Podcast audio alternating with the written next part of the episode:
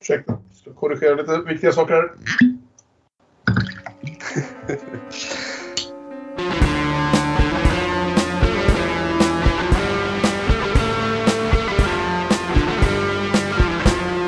Hej och välkomna till Demonpodden. Podden där vi nu för tiden talar om film av kvinnliga filmskapare. Jag heter Kalle Färm och med mig som alltid har jag Aron Eriksson.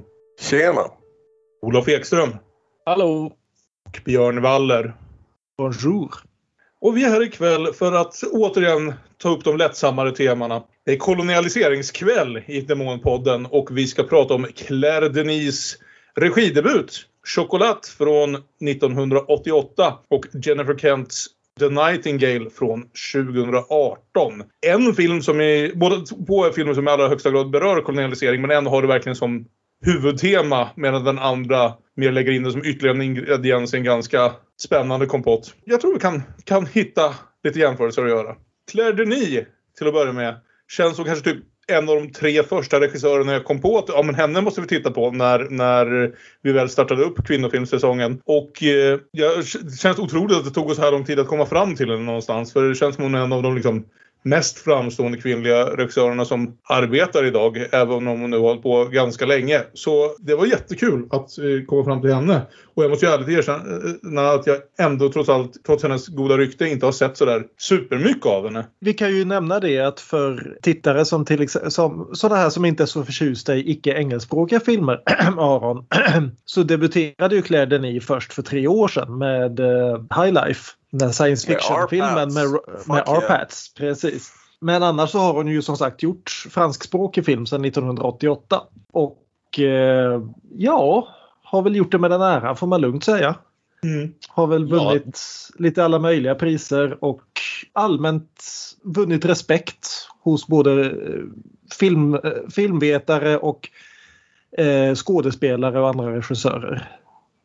Ja, för detta var hennes debut då ja, som vi eh, ska mm. prata om. Ja, en, ganska, en ganska sen debut som hon gjorde först efter att ha fyllt 40. Hon hade jobbat ganska många år som regissörsassistent eh, åt några andra riktiga eh, höjdare på några riktiga höjdarfilmer. Hon var Wim Wenders regiassistent på Himmel över Berlin och Paris, Texas och Jim Jarmusch eh, regiassistent på Down by Law. Som ju allihopa liksom är några av 80-talets absolut bästa filmer. Så hon lärde sig av några av de bästa får man väl lov att säga. Och sen så det som väl rör den här filmen mer direkt är ju såklart att hon har en ganska spännande bakgrund just i det här att hon faktiskt levde under många av sina barndomsår i, i de kolonialiserade delarna av Afrika och att väldigt mycket av den här filmen verkar vara baserat på hennes egna upplevelser.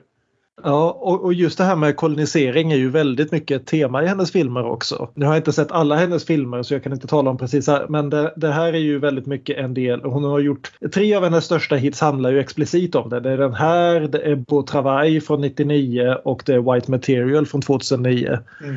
Som alltså heter White Material på franska också. Ska vi säga. Vi sitter inte och uttalar de engelska titlarna på franska filmer i en svensk podcast.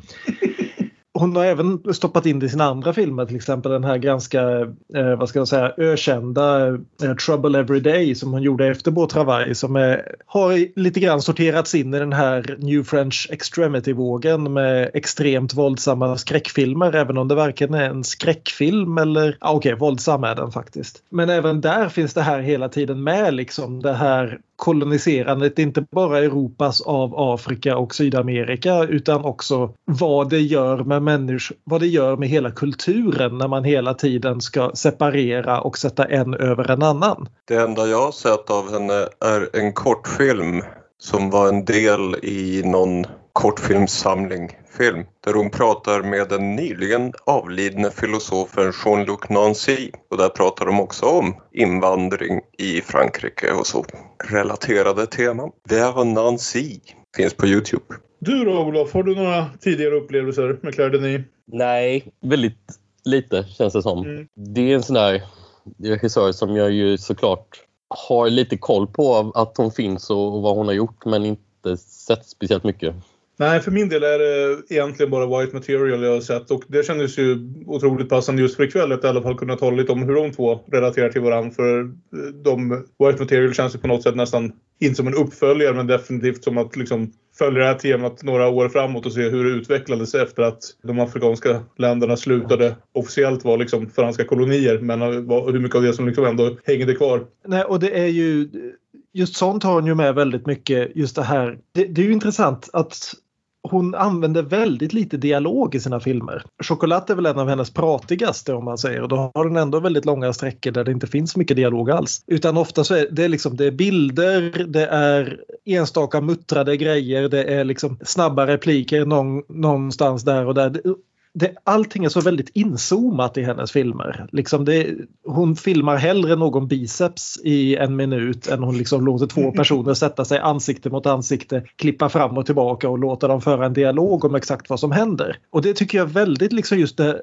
när hon ska tackla de här frågorna, e-, enormt problematiska frågorna, inte minst då som vit fransk före detta kolonisatör mm. att tackla de här grejerna. Att hon försöker att inte göra det med ord utan med bilder istället. Mm. Ja fast samtidigt känns väl inte Choklad känns väl inte som en sådär himla sparsmakad med ord. Är det, väl inte. det är väl inte som att man sitter och tänker att det, det inte är någon som pratar med varandra. Men hon kanske inte berättar allt hon vill berätta med ord. Det håller jag ju med om. Vi har ju framförallt en huvudkaraktär som är otroligt sparsmakad dock. Eh, mm. Eh, Isak de Bancoles eh, huvudkaraktär som jag just nu tappade namnet på. Eh, Prote.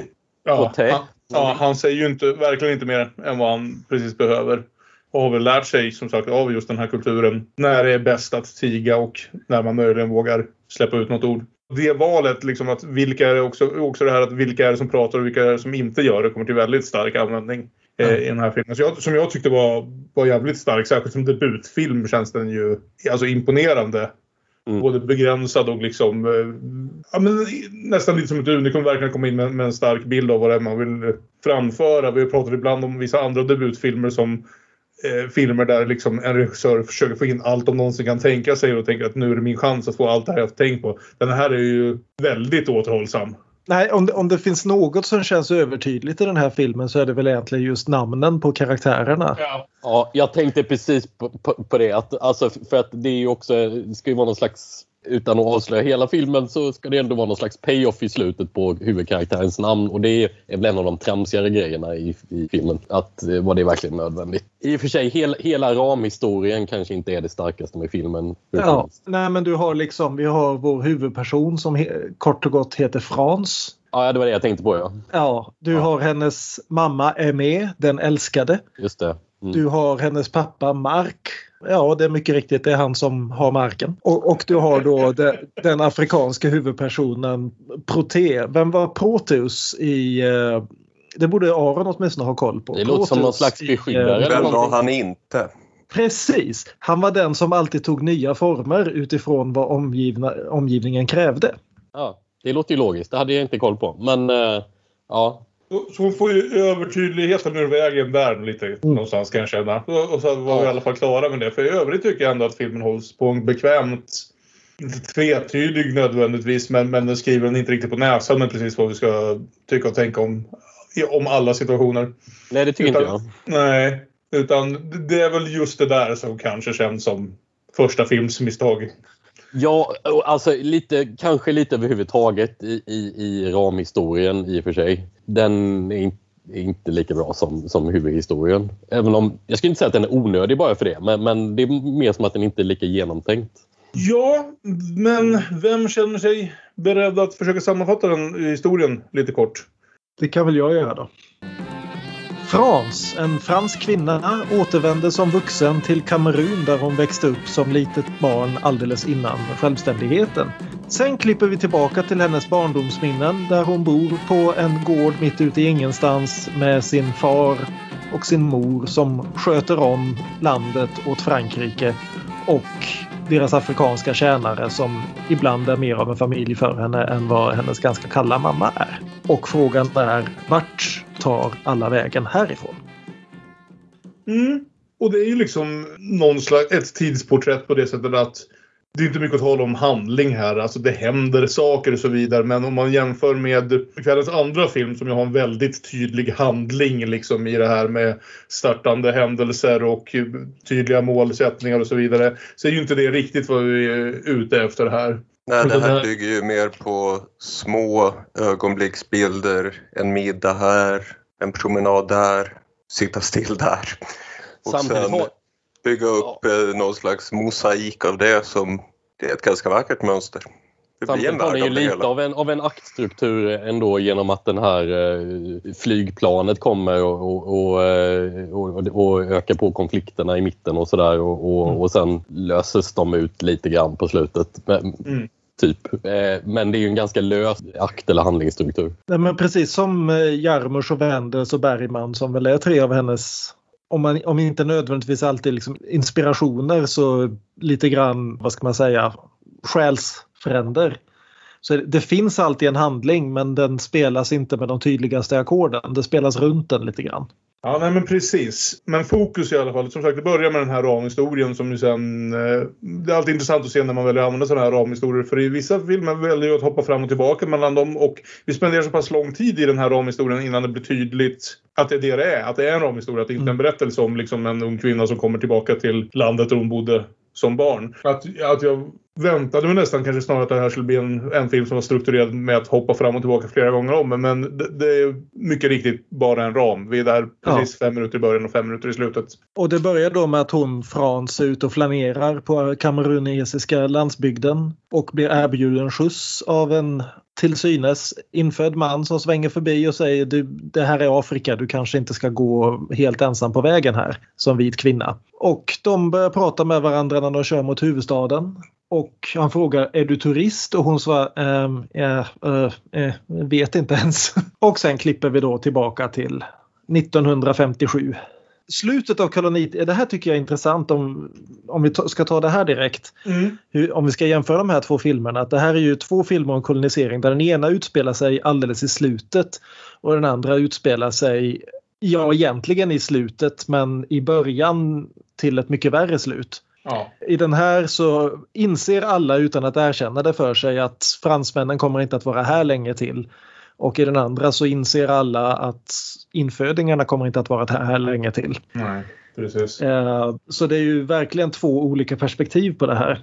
Mm. Och jag gillar den här första bilden som vi får när vi går tillbaka i tiden som att säga som är att ja, efter att, att, att ha sett att nu är hon en liten flicka som åker i bil istället för en vuxen kvinna som åker i bil. Och det liksom panerar över det här afrikanska landskapet tills du ser ryggarna på två karlar som står och kissar. En svart och en vit. En i, i shorts och t-shirt och den andra i vit linnekostym. Och det blir en ganska snygg sån här presenterande bild för, för den här världen där, där de eh, har hittat något samförstånd. För det vi ser också om vi jämför skilda, liksom, det finns en tydlig och väldigt problematisk maktstruktur i båda de här filmerna. Vid det här laget har den på något sätt ändå omvandlats till att inte vara så aktivt våldsam vid alla tillfällen som det vi kommer se i, i kvällens andra film. Det är inte alltid en lätt acceptans det här men, men i alla fall i just det här fallet som vi ser i den här filmen har de lärt sig leva i någon slags acceptans kring förhållandena så som de nu har, har Ja. utvecklats.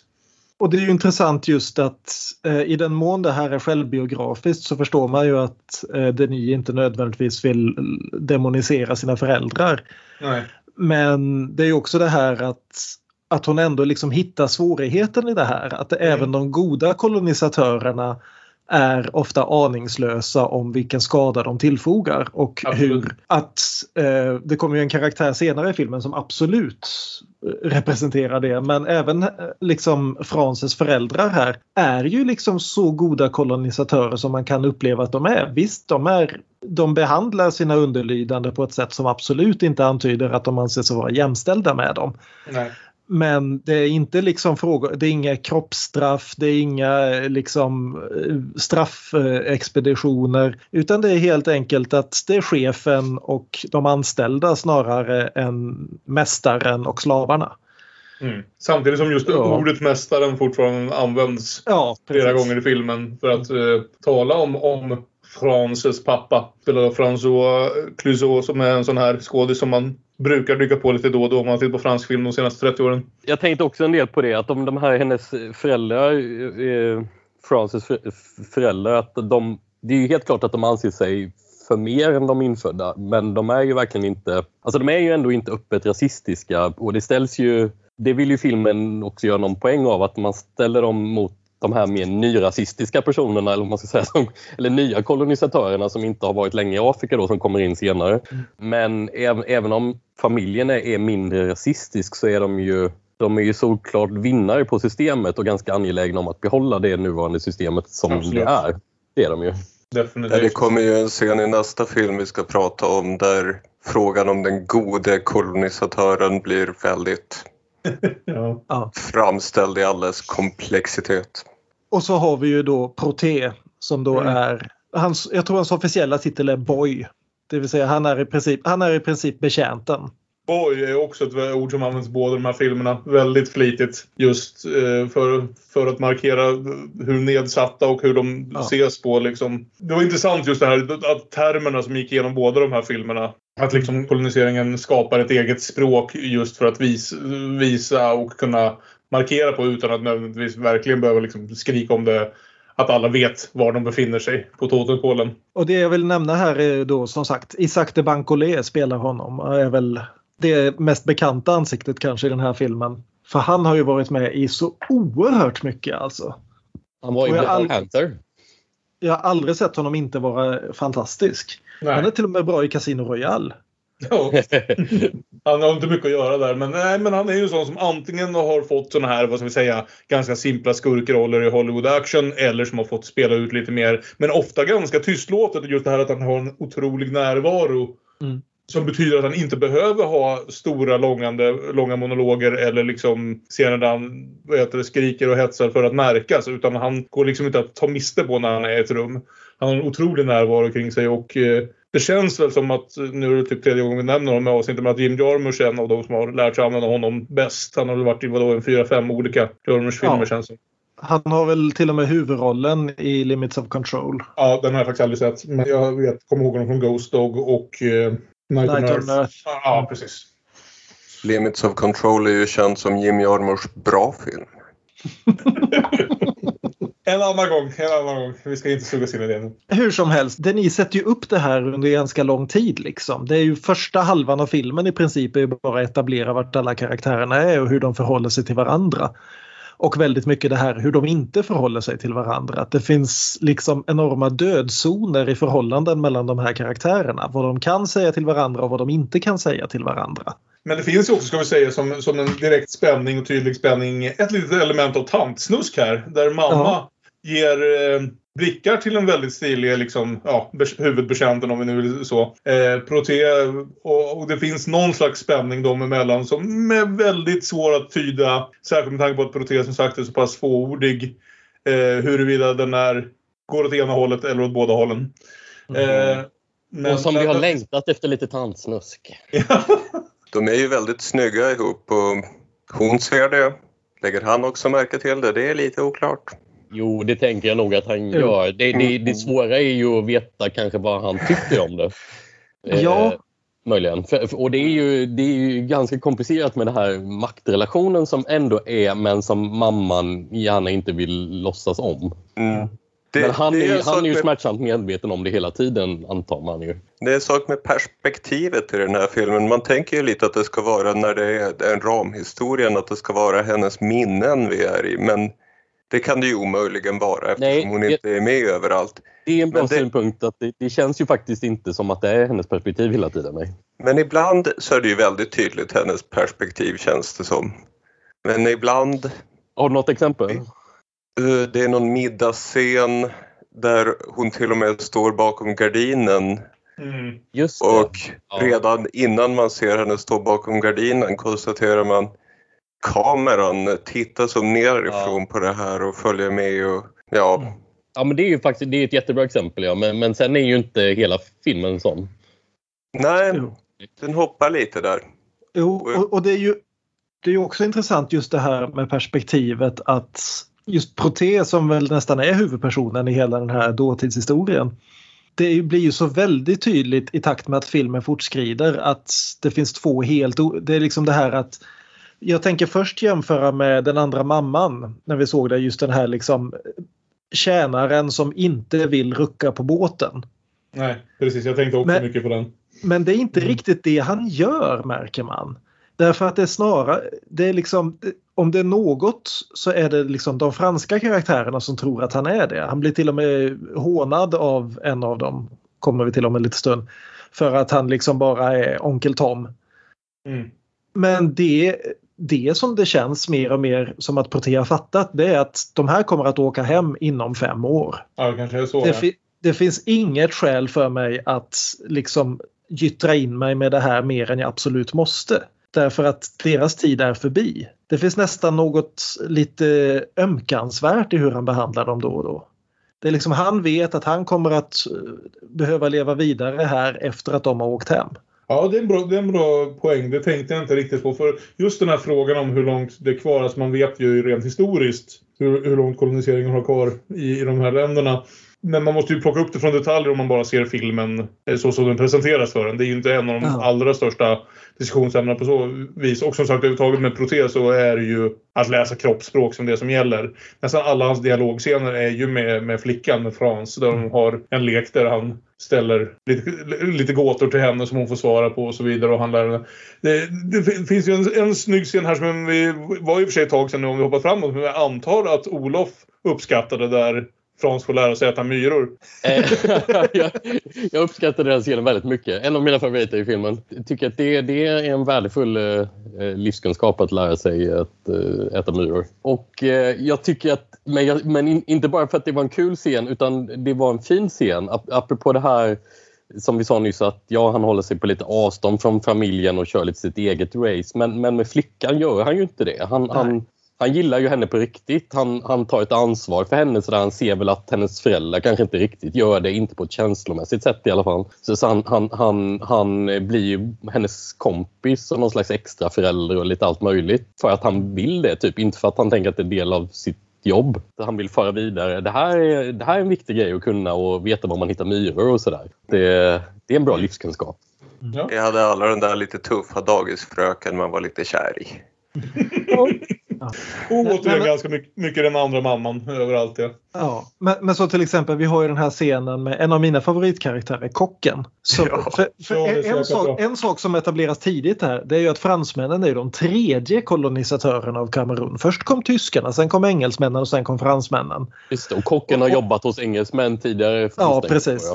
Och, och mamman i familjen är skitsur över att det enda han kan laga som är europeisk mat är jävla Yorkshirepudding.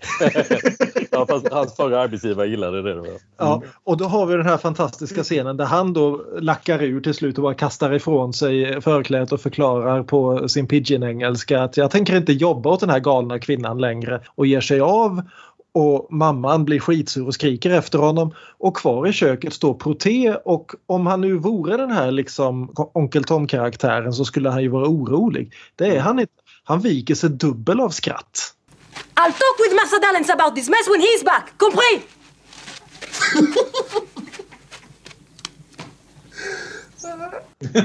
Ja, det är väldigt roligt. Och sen i, och och i nästa scen så kommer typ en, en engelsk officer på besök och begär att få engelsk mat till middag när kocken precis har stuckit. Ja, precis. Det finns hundra recept i den här boken. Jag vill ha fransk mat. Han kan inte läsa. Och vi får den här, apropå sexuell spänning, den här scenen där, där, där Proté kommer tillbaka rusande och berättar att engelsmannen har tagit med sig en smoking. Jävlar, jag måste få på mig balklänningen! De är två vita människor i, långt upp i norra Kamerun och men den ena har tagit på sig en smoking, då måste den andra ta på sig en balklänning. Och då måste ju Proté hjälpa henne i den och det blir en väldigt spänd scen där. Ja, jösses. Och sen efteråt så får vi se att när engelsmannen går, ska gå och lägga sig så citerar han Kipling högt för sin betjänt. Vilket är, ja, Ja. som sagt. Det, det är liksom, hela kolonialismen ligger verkligen på sina sista ben och skälver här. Det var en konstig metafor men ja. Ja, men det funkar. Så, så filmen har ju definitivt sina ögonblick av rejäl humor här alltså. Ja, men det tycker jag. Det är en ganska någonstans... För, för en film som liksom tar upp de här vad säga, ganska mörka ämnena och ser på liksom maktstrukturer och både hur de har förändrats och inte förändrats sedan dess så är det ju någonstans också en liksom varm ungdomsskildring eller barndomsskildring. Mm. För det verkar inte som att Frans mitt i det här miss, är särskilt missnöjd på något vis eller känner att hon liksom uppfattar alla orättvisorna runt om henne så. Utan när vi får se scener från hennes perspektiv så är det ju inte som att det är kaos och fara på något vis. Det är nog en mer spännande barndom än vad många har haft vid något tillfälle. Ja. En hyena som går omkring och hotar människorna långt bort ifrån och hon, de hittar ett lik av en, en zebra, eller nej en häst i alla fall. Det är ju hemma hos de norska missionärerna som de hittar lite ihjälrivna djur. Och just ja. det här att de hittar en norsk familj här mitt ute i ingenstans.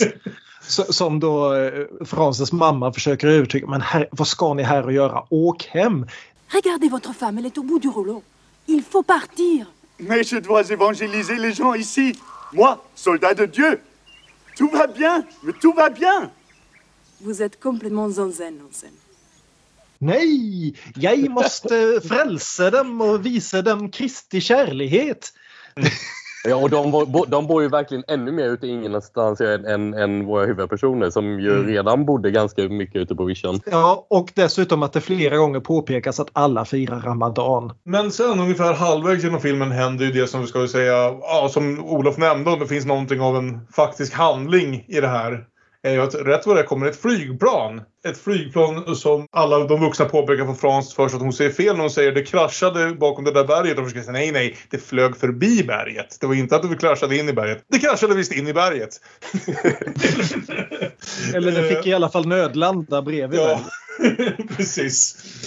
Nödlanda bredvid berget och eh, Helt plötsligt har de en hel liksom, flygplansbesättning eh, som behöver stanna där i några månader. Därför att det tar en, visst en liten stund att få ut liksom, specifika förhandsdelar på vischan i Kamerun. Så eh, det här huset som har varit liksom, väldigt tomt. Det liksom, har ju varit mycket, mycket tjänstefolk men egentligen för det mesta bara Frans och hennes mamma eftersom pappa är ute på diverse uppdrag åt franska staten antar jag väl. Så från att det har varit liksom ett ganska tomt hus, särskilt ur mammas synvinkel så är det helt plötsligt alldeles fullt med folk. Inklusive då den här, vad ska vi säga, på något sätt mest stereotypiska men också mest um, uttalade rasisten och uh, som får vara på något sätt symbol för hela det här trasiga systemet.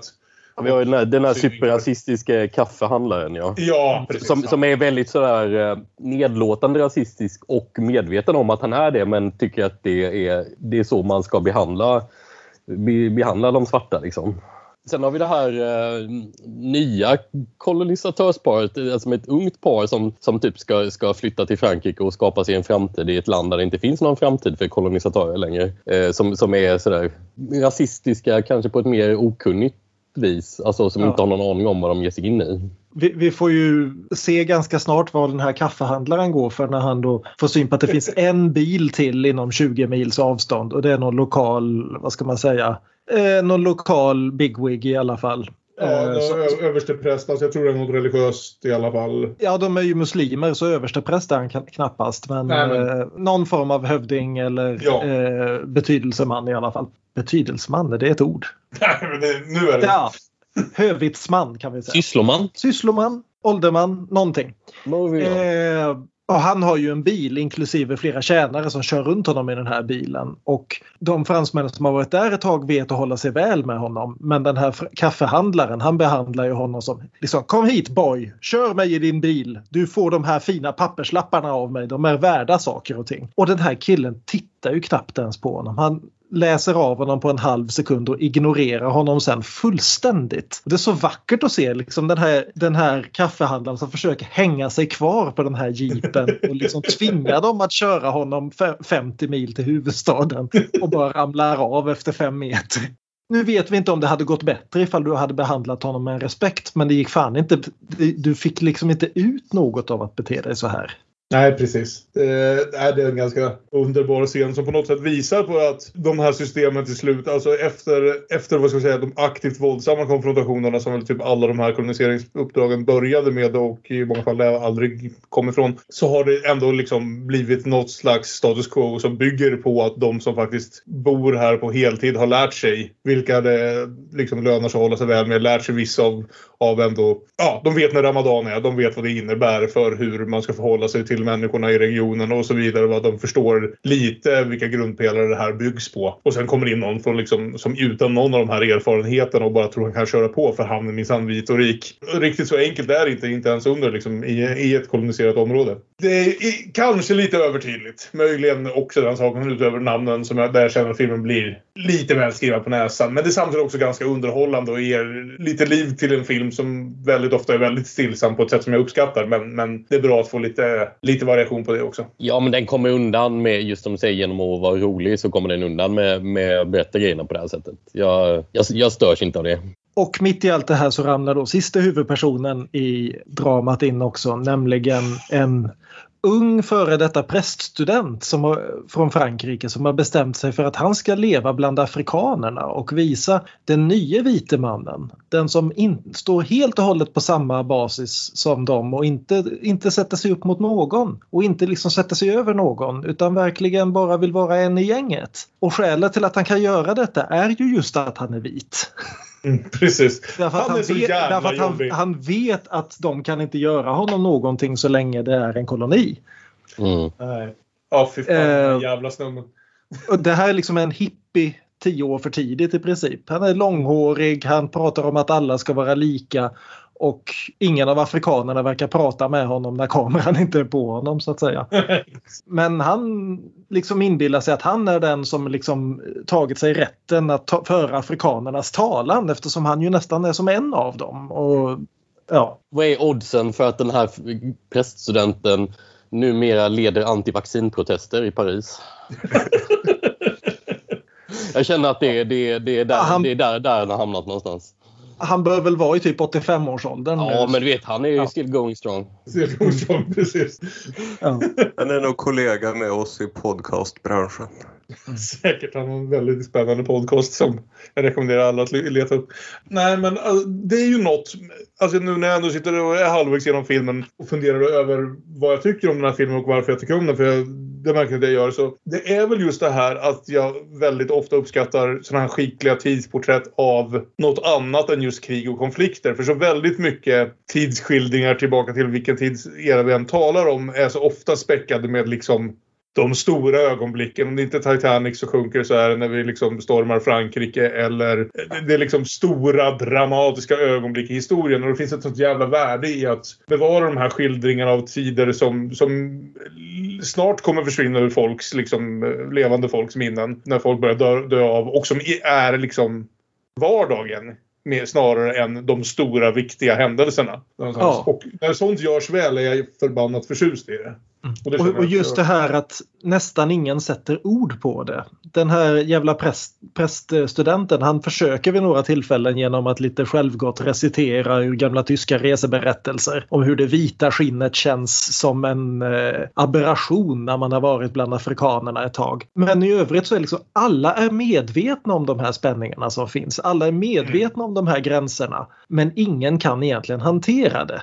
Det är liksom, för att använda ett uttryck så är liksom källan har blivit så förgiftad av alla de här eh, hierarkierna att det finns inget sätt för två människor att mötas på samma plan längre.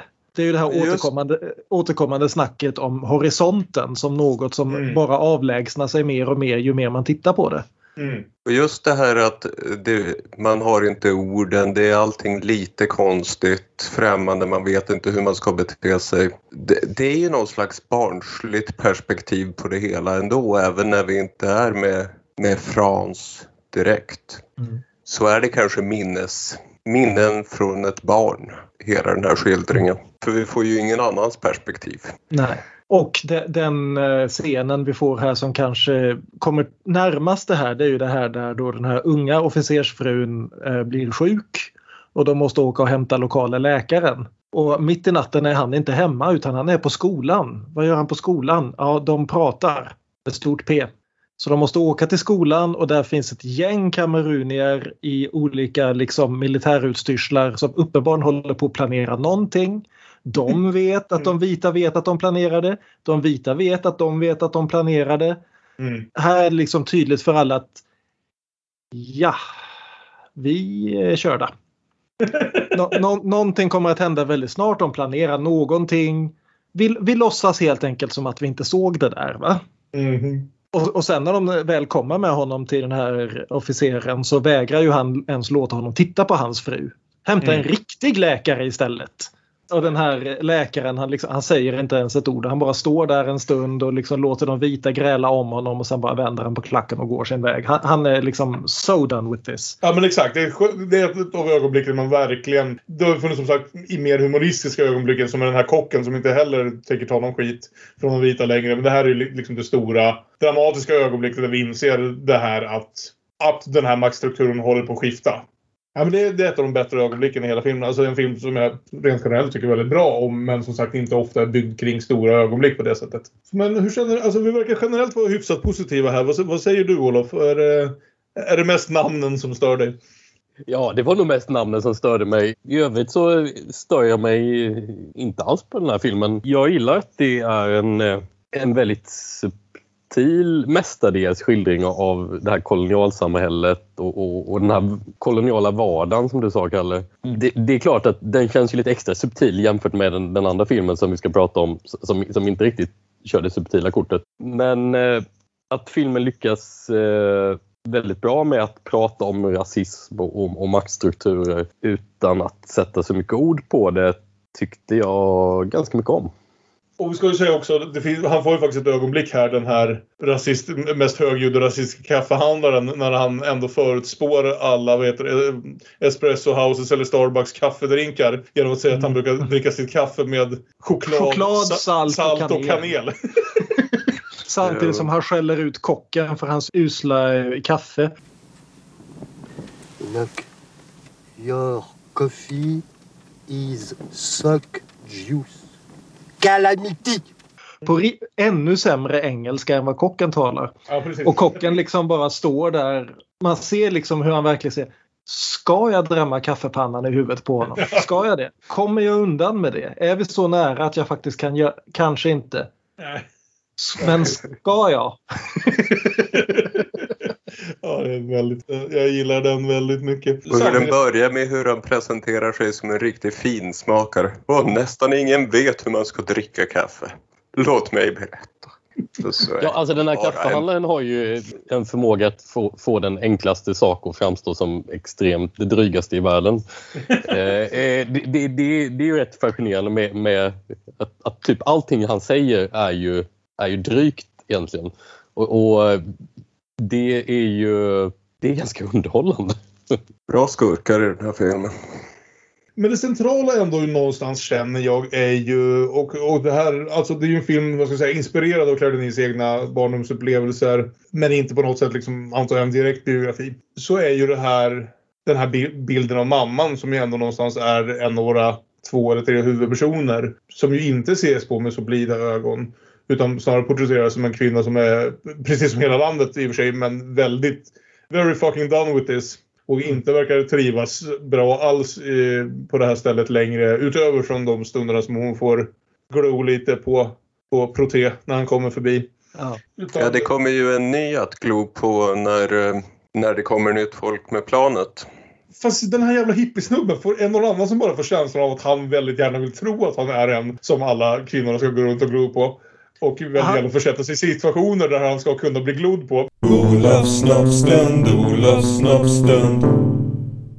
Men att han inte faktiskt... Hon har ju för fan redan protes som vi allihopa Ja, nej, men kan se ma- mamman, mamman går väl inte och glor på, på präststudenten? Nej.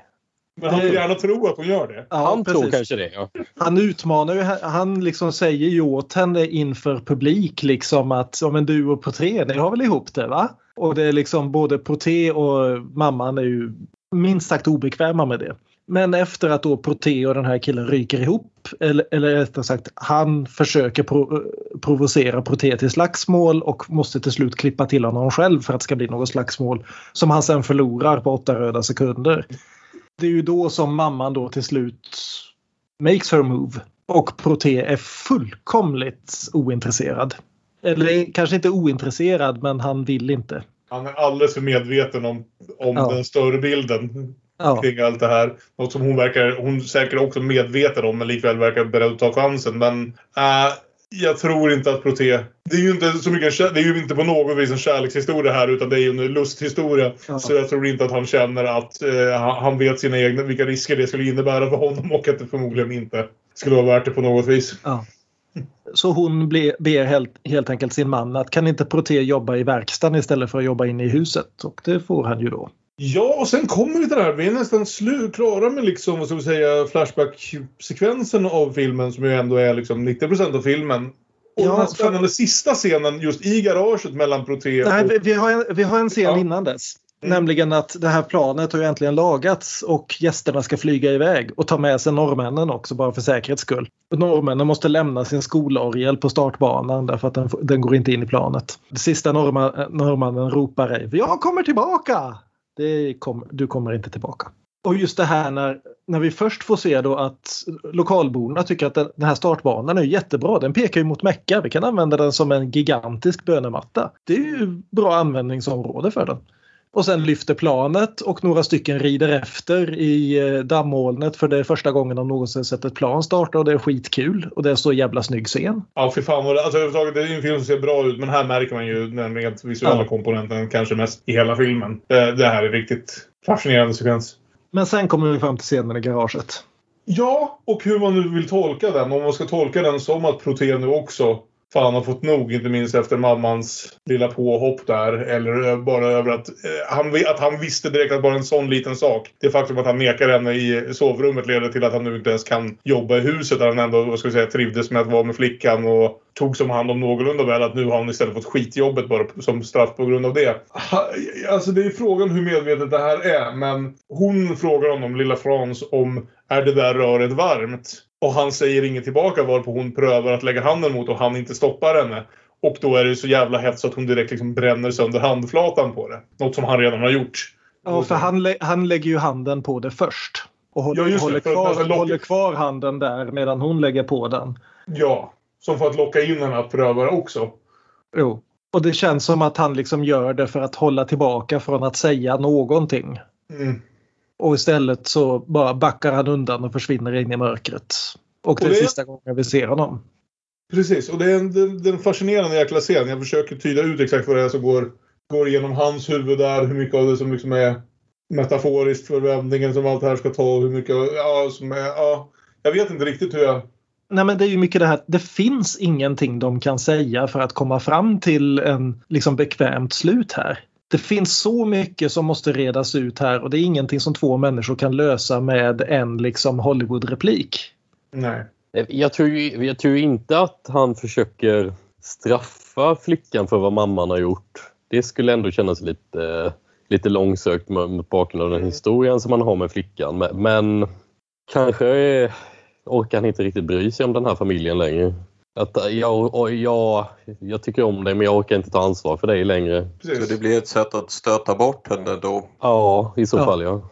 Det är jätteintressant. Men sen så är det så. Jag tror att det sista vi ser är planet som lyfter och där är vi tillbaka i nutid. Eller vad det nu ska vara. Så är I, i ramberättelsen igen va? Ja. Eh, I, vad måste, jag måste säga, jag bara antog på något sätt att när vi kommer tillbaka till ramberättelsen, nu skulle det högst handla om liksom en scen och sen så, så är filmen klar. För att det känns som att ändå berättelsen om 1958 är, är liksom huset ett starkt huvudfokus för filmen. Men det är ändå ganska lång, det är typ en kvart av filmen kvar när vi kommer tillbaka till den äldre Frans. Och vi hinner- hinner se faktiskt en hel del där med henne och det blir också en intressant liksom parallell till det Kamerun vi precis har sett nu i en och en halv timme. När vi kommer tillbaka och får se liksom lite av hur det har förändrats. Och också det här att den här antydde lokalbon visar sig han är inte alls lokalbo. Han är från USA. Han åkte tillbaka någon gång på 70-talet, liksom mitt i Black Power-rörelsen och tänkte att han skulle återvända till hemlandet. Kamerun är ju ett av de länder där man hämtade flest slavar till amerikanska slavhandeln. Så det är nog många amerikaner som har sina rötter där. Men, och han hade trott liksom att han skulle bli, komma hem till paradiset och det visade sig att de såg bara ytterligare en jävla kolonisatör och blåste honom på alla stålar han hade med sig. Ja, att att han har samma hudfärg som dem är ointressant. Han är en västerlänning. Ja, och i själva verket så är ju i, i så fall Frans eh, mycket mer lokalbo än, än vad han är. På, på vissa sätt i alla fall. Och hon berättar det för honom att ja men hon har hängt här nere runt huvudstaden i några veckor nu. Hon har en biljett och hon nämner inte vart biljetten går. Men det finns ett hus jag gärna skulle vilja kolla in. Om man nu kollar liksom sin, eh, går in på Wikipedia och kollar kartan över eh, Kamerun så vet man att det de bodde det är lång, längst upp i norr, i den muslimska delen av landet. Så det är liksom inte någonting du gör på en eftermiddag, sticker upp dit och kollar. Utan ja, det finns ett skäl till att fransmännen flög dit 25 år tidigare. Liksom. Så vi får aldrig se Frans återvända. Jag tänkte det skulle bli en snygg parallell att dra till Orlando som slutar med Nej. att återvänd. Och den stora frågan är väl om hon gör det eller om hon flyger hem. För han uppmanar ju henne liksom att det finns ingenting här för dig. Åk hem. Mm. För att spegla den här eh, relationen mellan eh, Proté och hennes mamma så frågar hon liksom Vill du inte ta en drink innan? Nej, jag vill inte ta en drink. Åk hem.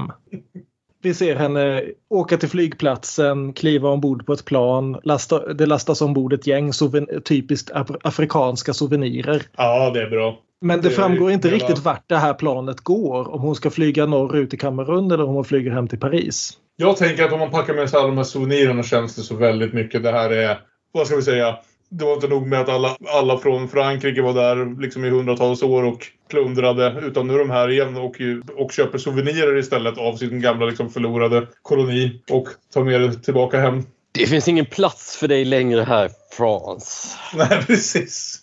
Kamerun har, har gjort slut med Frans och eh, säger åt dem att åka hem och aldrig mer komma tillbaka. Ja, övertydligheten i namnen åsido så jag gillar även det här slutet med som jag inte vet riktigt vad det ska symbolisera för det vi får se där är ju att tre svarta män som fortfarande väldigt mycket gör, vad ska vi säga, eh, arbetarklassjobben såklart. Men verkar väldigt mycket nöjdare med det, vågar prata och skoja med varandra Ja. samtidigt. Till skillnad från de här väldigt tysta, stoiska arbetarna som vi såg 1958. Ja, jag, jag såg någon summering på nätet som hävdar att en av de här männen är Proté. Jag kunde inte se det. Nej, Jag tänker att det definitivt inte var det. De var de Nej. inte unga de här männen. Jo, det var det jag Ja. tänkte också. Han måste ju vara ganska rejält en bit upp i medelåldern vid det här laget. Absolut. Så det, nej. Det, för, för jag såg någon som liksom var åh, och det så, de var så nära varandra och de visste det inte. Nej, men det är ju inte han. Nej, det låter That's konstigt. racist Joe. Också dock ska vi säga, i alla fall som- jag ser eh, eller i alla fall kopian jag såg, inte en film som jag tror har remasterats upp till, till att släppas i HD igen. Så det är inte helt lätt att se. Eh, Jag såg en DVD, eller kopia med DVD-kvalitet i alla fall. Mm. Men ja, nej, jävla eh, bra start. Ja, jag tyckte om den. Ja. Ja. Man kanske får se lite mer av den. Eh, Jag, jag vill bara, bara säga en sak till om filmen. Att ett, ett återkommande ord i den och det kan vi anknyta till nästa film sen också. Att alla pratar ju om det här je rêve. Det är liksom, jag drömde om att folk berättar att ja, de har drömt om det här. Det är liksom, det är en dröm om ett Afrika som har försvunnit här. Mm. Om det liksom inom alla kaninöron i världen civiliserade Afrika. Ja, ja. Det är liksom det här eh, Kipling-Afrika. Mm. Där den vita mannen har kommit in och hjälpt den svarte mannen upp. Och, det är liksom, och det man ser istället är liksom lokalborna bara liksom, men herregud, gå. Nu har ni varit här. Vi bjöd in er och ni har varit här och klockan är Gå hem. tre och ni har inte gått hem än. Ring taxi för helvete! Lite förenklad kolonialhistoria där kanske men det, det är verkligen det här att Du målar en bild så att folket förstår. Och, och just den här drömmen, om den någonsin fanns och i så fall vad den betyder nu. Det är ju någonting som återkommer i White Material också, inte Mm, minst. Att det här bara för att det kolonialiserade Afrika i mångt och mycket var ett misstag så in, upphör det inte att ha existerat. Nej. Det kommer alltid att finnas där och det finns ju med De, i... de pratar fortfarande franska. Och, Ja, precis. Ja, tänker- Det finns flera fantastiska scener eh, på, på det temat i Beau Travail också till exempel. Mm. Så drö- drömmen tog slut, nu ska vi in i mardrömmen istället. Så kan man se det. Ja, vi tar en liten paus först och Paus. återkommer med diskussionen om Jennifer Kents The Nightingale.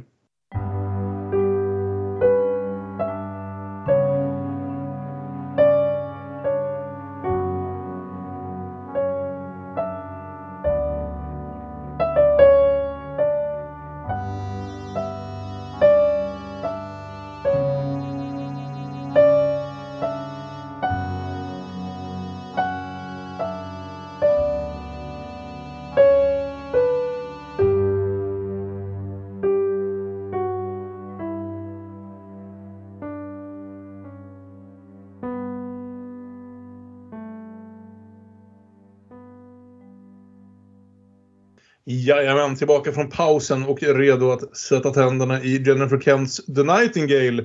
Hennes uppföljare, inte uppföljare som att det fortsätter historien, men hennes filmen hon gjorde direkt efter att ha brutit igenom med The Babadook. En film som ju verkligen gjorde sitt intryck på, på skräckfilmsvärlden när den kom 2014. Några av oss skulle säga att det var den bästa uppföljaren till Ensam Hemma som någonsin gjorts. Och jag vill säga att det var Olof framförallt som har uttryckt det som att det var en av hans absoluta favoritfilmer från de senaste åren. Babadook, jo det är det nog. Det, Ja. det, det är en skräckfilm som verkligen eh, grep tag i mig. Jo, men mer ska jag säga, även om jag är väl av den åsikten att det är en sån där film som lite tappar ångan mot slutet. Men jag helt förtrollad av den under första 40-50 minuterna. Borde nog sätta mig och se om den någon gång. Men jag har tänkt ända sedan dess att eh, det, är ju en, det var ju en otrolig liksom, regiinsats just att skapa så mycket stämning med, med ganska små medel ändå någonstans. Så att det skulle bli spännande att se vad Jennifer Kent tog sig an härnäst. Och ja! Hon tog sig an kolonialisering i en film som vi ju hade lyckats passa in i ett gäng andra av våra teman kände jag. Vi hade lätt kunnat para ihop dem med pianot, eller med Revenge, eller med Mix Cut-Off. Och vi hade kunnat få det att funka också. Men eh, nu landade den under det här temat och det kommer nog gå att heter det, skohorna in den där också. Ja, jag, jag tänkte på Ravenous också som vi ju pratade om lite grann i alla fall i vårt verkligen. avsnitt om, om brittisk arbetarklass. Det här fortet mitt ute i ko- nykoloniserat område. Absolut. Eh, och det är kul också därför att Jennifer Kent blev ju naturligtvis som alla skräckfilms, framgångsrika skräckfilmsregissörer blir så blev hon ju överhopad med erbjudanden att men kom till Hollywood och gör en remake på fredagen den 13. Men hon valde då som sagt att stanna i Australien och istället skriva och regissera den här filmen. Och det är ju, det är ju cred på det alltså. Det är överhuvudtaget kul att det finns så pass många skräckfilms... Jag vet inte om hon vill beteckna sig som skräckfilmsregissör. Jag vet inte om man ska kalla det här för en skräckfilm. Men... eh, Den är fylld av ganska liksom, skräckfyllda upplevelser kan man väl Ja, säga. Den är Men lite jo, för hemsk för att vara en skräckfilm. Ja, Ja. precis. Någonstans så. Men, men, men att det är så pass det. många, för att använda ett tråkigt ord, autörer som kommer fram via skräckfilmsgenren nu för tiden som väljer att fortsätta göra sin egen grej. Mm. Du har Aster och Eggert och Kent. Ja, det är lite, vi är lite tillbaka. Det låter lite, som en PRO-samling när du säger det. Aster och Eggert och Kent. Men vi är lite tillbaks till eh, Ingmar Bergman där. Slå, igenom, slå, slå internationellt genom att göra skräckfilm. Ja, Tänker på Jungfrukällaren. jo, och då är vi ju inne på genren igen. Ja. Den där som vi har nämnt lite för många gånger redan kanske. Det är väl åtminstone en del av förklaringen till vad den här filmen är. Det kanske är lite mer komplicerat än så. Ja, det är det ju. den tar ju definitivt avstamp i det som vi väl ja, fortfarande kallar för Rape and Revenge-genren. Men sen breddar blicken kanske lite mer än de andra exemplen som vi dykt på här i vår, i vår podd. Framförallt då Jungfrukällan och dubben av Revenge och Promising Young Woman som vi pratade gott och väl om eh, för några månader sedan. Vem vill eh, summera den här? Näktergalen och sotfågeln hatar England. Näktergalen är Claire. Hon är en irländsk straffkolonifånge på Tasmanien. England i formen av eh, löjtnanter och officerare där våldtar henne, dödar hennes barn och hennes man. Sotfågeln är guiden Billy som hon anställer för att gå på jakt efter dessa engelska bastards. Och så blir det mer våld. Ja, jag tänkte också på det här. Sotfågeln, är det vi säger? Koltrast trodde jag var Blackbird. Ja, det, är, det- det är ju inte en koltrast. Vi Nej, ser ju nej, en, precis. och det är ju Ja, väldigt ja. mycket inte en koltrast. Ja, okej. Nej, det stod sotfågel i svenska texten och eh, Jag tror inte Ja. det är samma fågel, nej. Vad Billy menar med Blackbird är inte vad Paul McCartney menar med Nej, Blackbird. Säger han Blackbird? Det kanske han gör. Ja. Det, ja, Men det, det är det att ni, ni vet hur engelsmännen gjorde när, när de dök upp i andra eh, världsdelar. Att de fick syn på ett djur som såg lite vagt ut som ett djur de kände igen hemifrån och så sa de ah, det där är den där ko- kontinentens variant av det här djuret. Så det finns liksom typ ett dussin helt olika icke-besläktade fåglar världen över som alla heter Blackbird därför att en Ja. engelsman fick syn på den och sa oh, It's black, it's a blackbird. Eh, Ja. Och det, och det är ju en film det här som liksom tar upp ganska många olika ämnen som man kan vara känslig inför. Och eh, då tänker jag kanske just nu också specifikt på Aron. Och hur kände du kring allt det här fågelsnacket? Ja, är, det, är, är det det som filmen behöver en content warning om? Ja, kanske. In, inte enbart i så fall. Min- Men... Min fågelskräck har lite gått över sen jag såg en duva bli överkörd av en buss i våras. Och jag kände genast att de är sårbara, precis som vi. Och eh, sen dess är jag inte längre rädd för duvor. Vilket ju hör... Och Har livskvaliteten? när den här över, påkörda duvan haltade av vägen upp på trottoaren kom det på fyra sekunder en kråka och skulle picka ihjäl den. Naturen, vilken jävla slaktplats. Ja. Nasty, brutish and short. Innan man går in i mer detalj på den här filmen så ska man ju säga att det, det finns ju en diskussion att ha om den här filmen om det verkligen är nödvändigt för den att vara så här jävla våldsam som den ju är. Jag var inte riktigt redo för det. Nej, Jag, jag hade förstått att eh, det skulle vara... Jag hade Nej. läst rubriker om brutalt.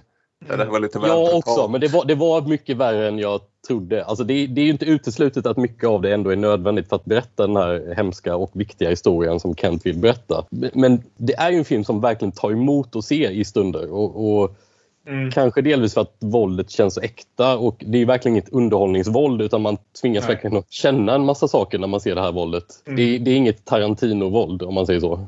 För den delen, bara som en som sagt lätt jämförelse, Revenge som på något sätt lyckades ta, ha den där början bara för att sen någonstans lyckas vända om det till extremt blodig slapstick. Ja, Men sen- det, det gör väl inte riktigt den här filmen. Alltså, jag, jag, jag tycker väl att eh, en, en, en hel del...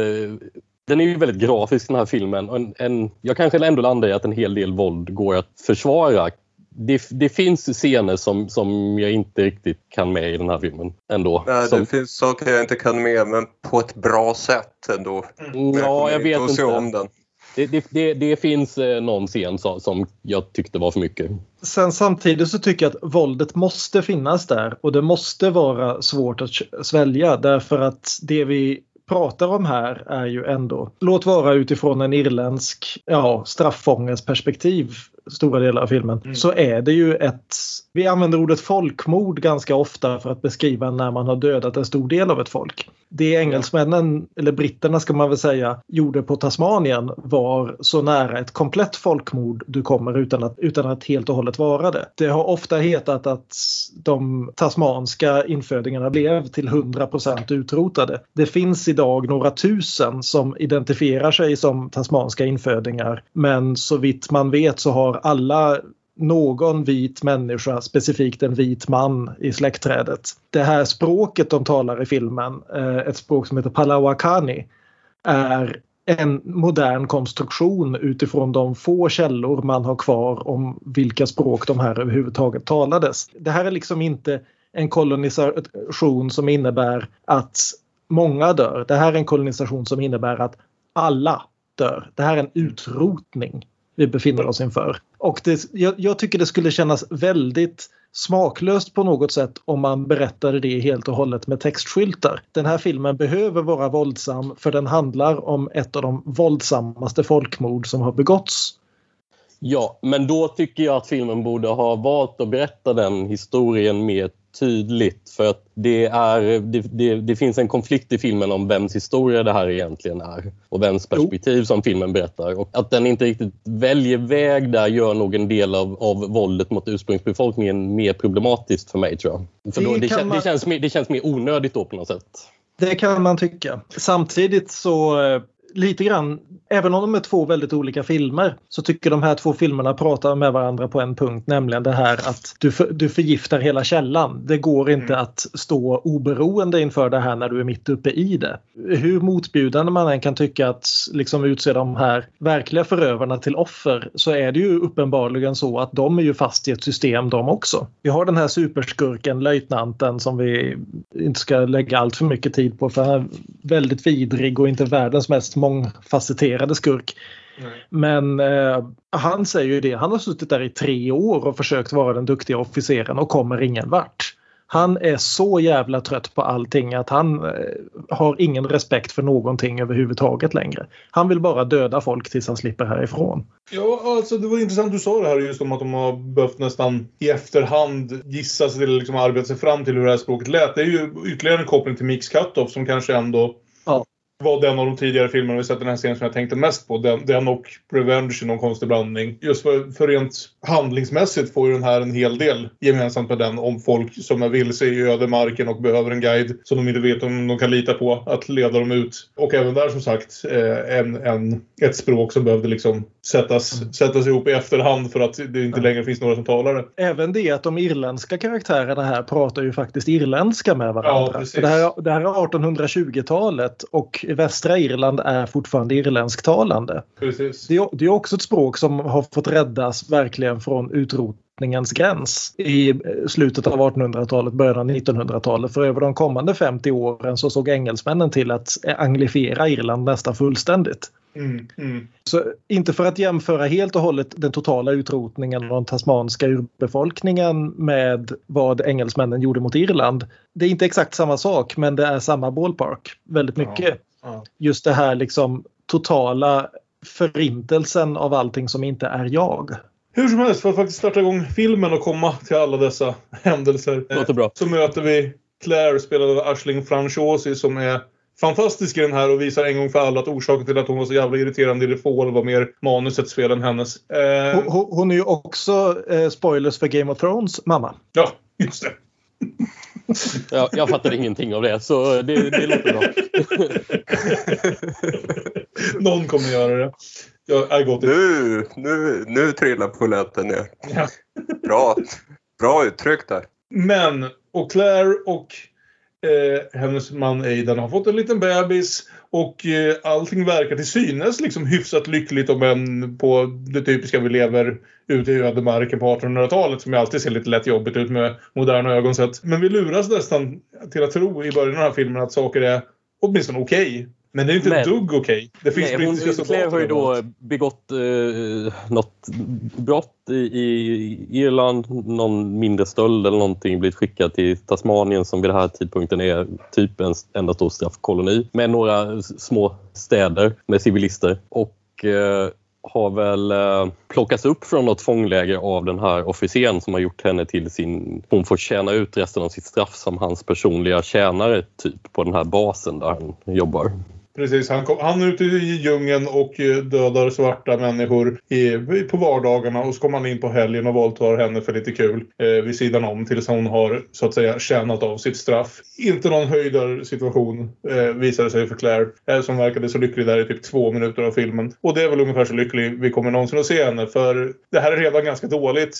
Det skiter sig ännu mer ganska snabbt. Hennes ma- man vill att de bara ska ge sig av. Han kräver av löjtnanten att släppa min fru fri. Eh, Löjtnanten svarar, speciellt efter att han har fått veta att han kommer inte att få den här befordran om han inte själv beger sig till huvudbasen och ansöker om den. Så innan han ger sig av så ser han till att bryta sig in hos Claire och Aiden och Aiden dör, Claire blir våldtagen och deras lilla barn blir en röd fläck på väggen. Och det är en hemsk jävla scen. Ja, alltså inte... Vi behöver inte prata mer om det. Det, Det det, är bara... ganska- Nej, vi kan gå vidare. Det, det, det, det, men det är också viktigt känner jag någonstans för att det är så jävla tung öppning. Att det tog mig ett tag att nästan, vad ska man säga så här. Det finns ändå något, vi- jag diskuterade med Revenge som sagt hur man vänder en sån här start till att göra en film som ändå någonstans blir njutbar i någon bemärkelse. Som sagt, Revenge blir nästan blodig slapstick mot slutet och helt hysteriskt rolig tillfällen. Och den här blir ju inte liksom underhållande på det sättet men vid några tillfällen vill den ju i alla fall vara ordentligt spännande. Och jag var liksom fortfarande lite i någon form av chock från den här öppningen så det tog mig ett tag att liksom acceptera att den nu ens skulle ta en sån vändning att faktiskt bli, vad ska vi säga, spännande historieberättande någonstans. Mm. Den börjar med en hemsk våldtäktsscen Mm. följer upp den fem minuter senare med en ännu hemskare våldtäktsscen. Ja. Inte en mjukstart. Inte en mjukstart och jag vet inte hur välavvägt det egentligen är. Jag förstår att man vill liksom göra Men det intryck. blir också en jävla, jävla chock till hela systemet. Mm. Det, det, det, blir, det blir ingen underhållande film och det, det ska det inte vara.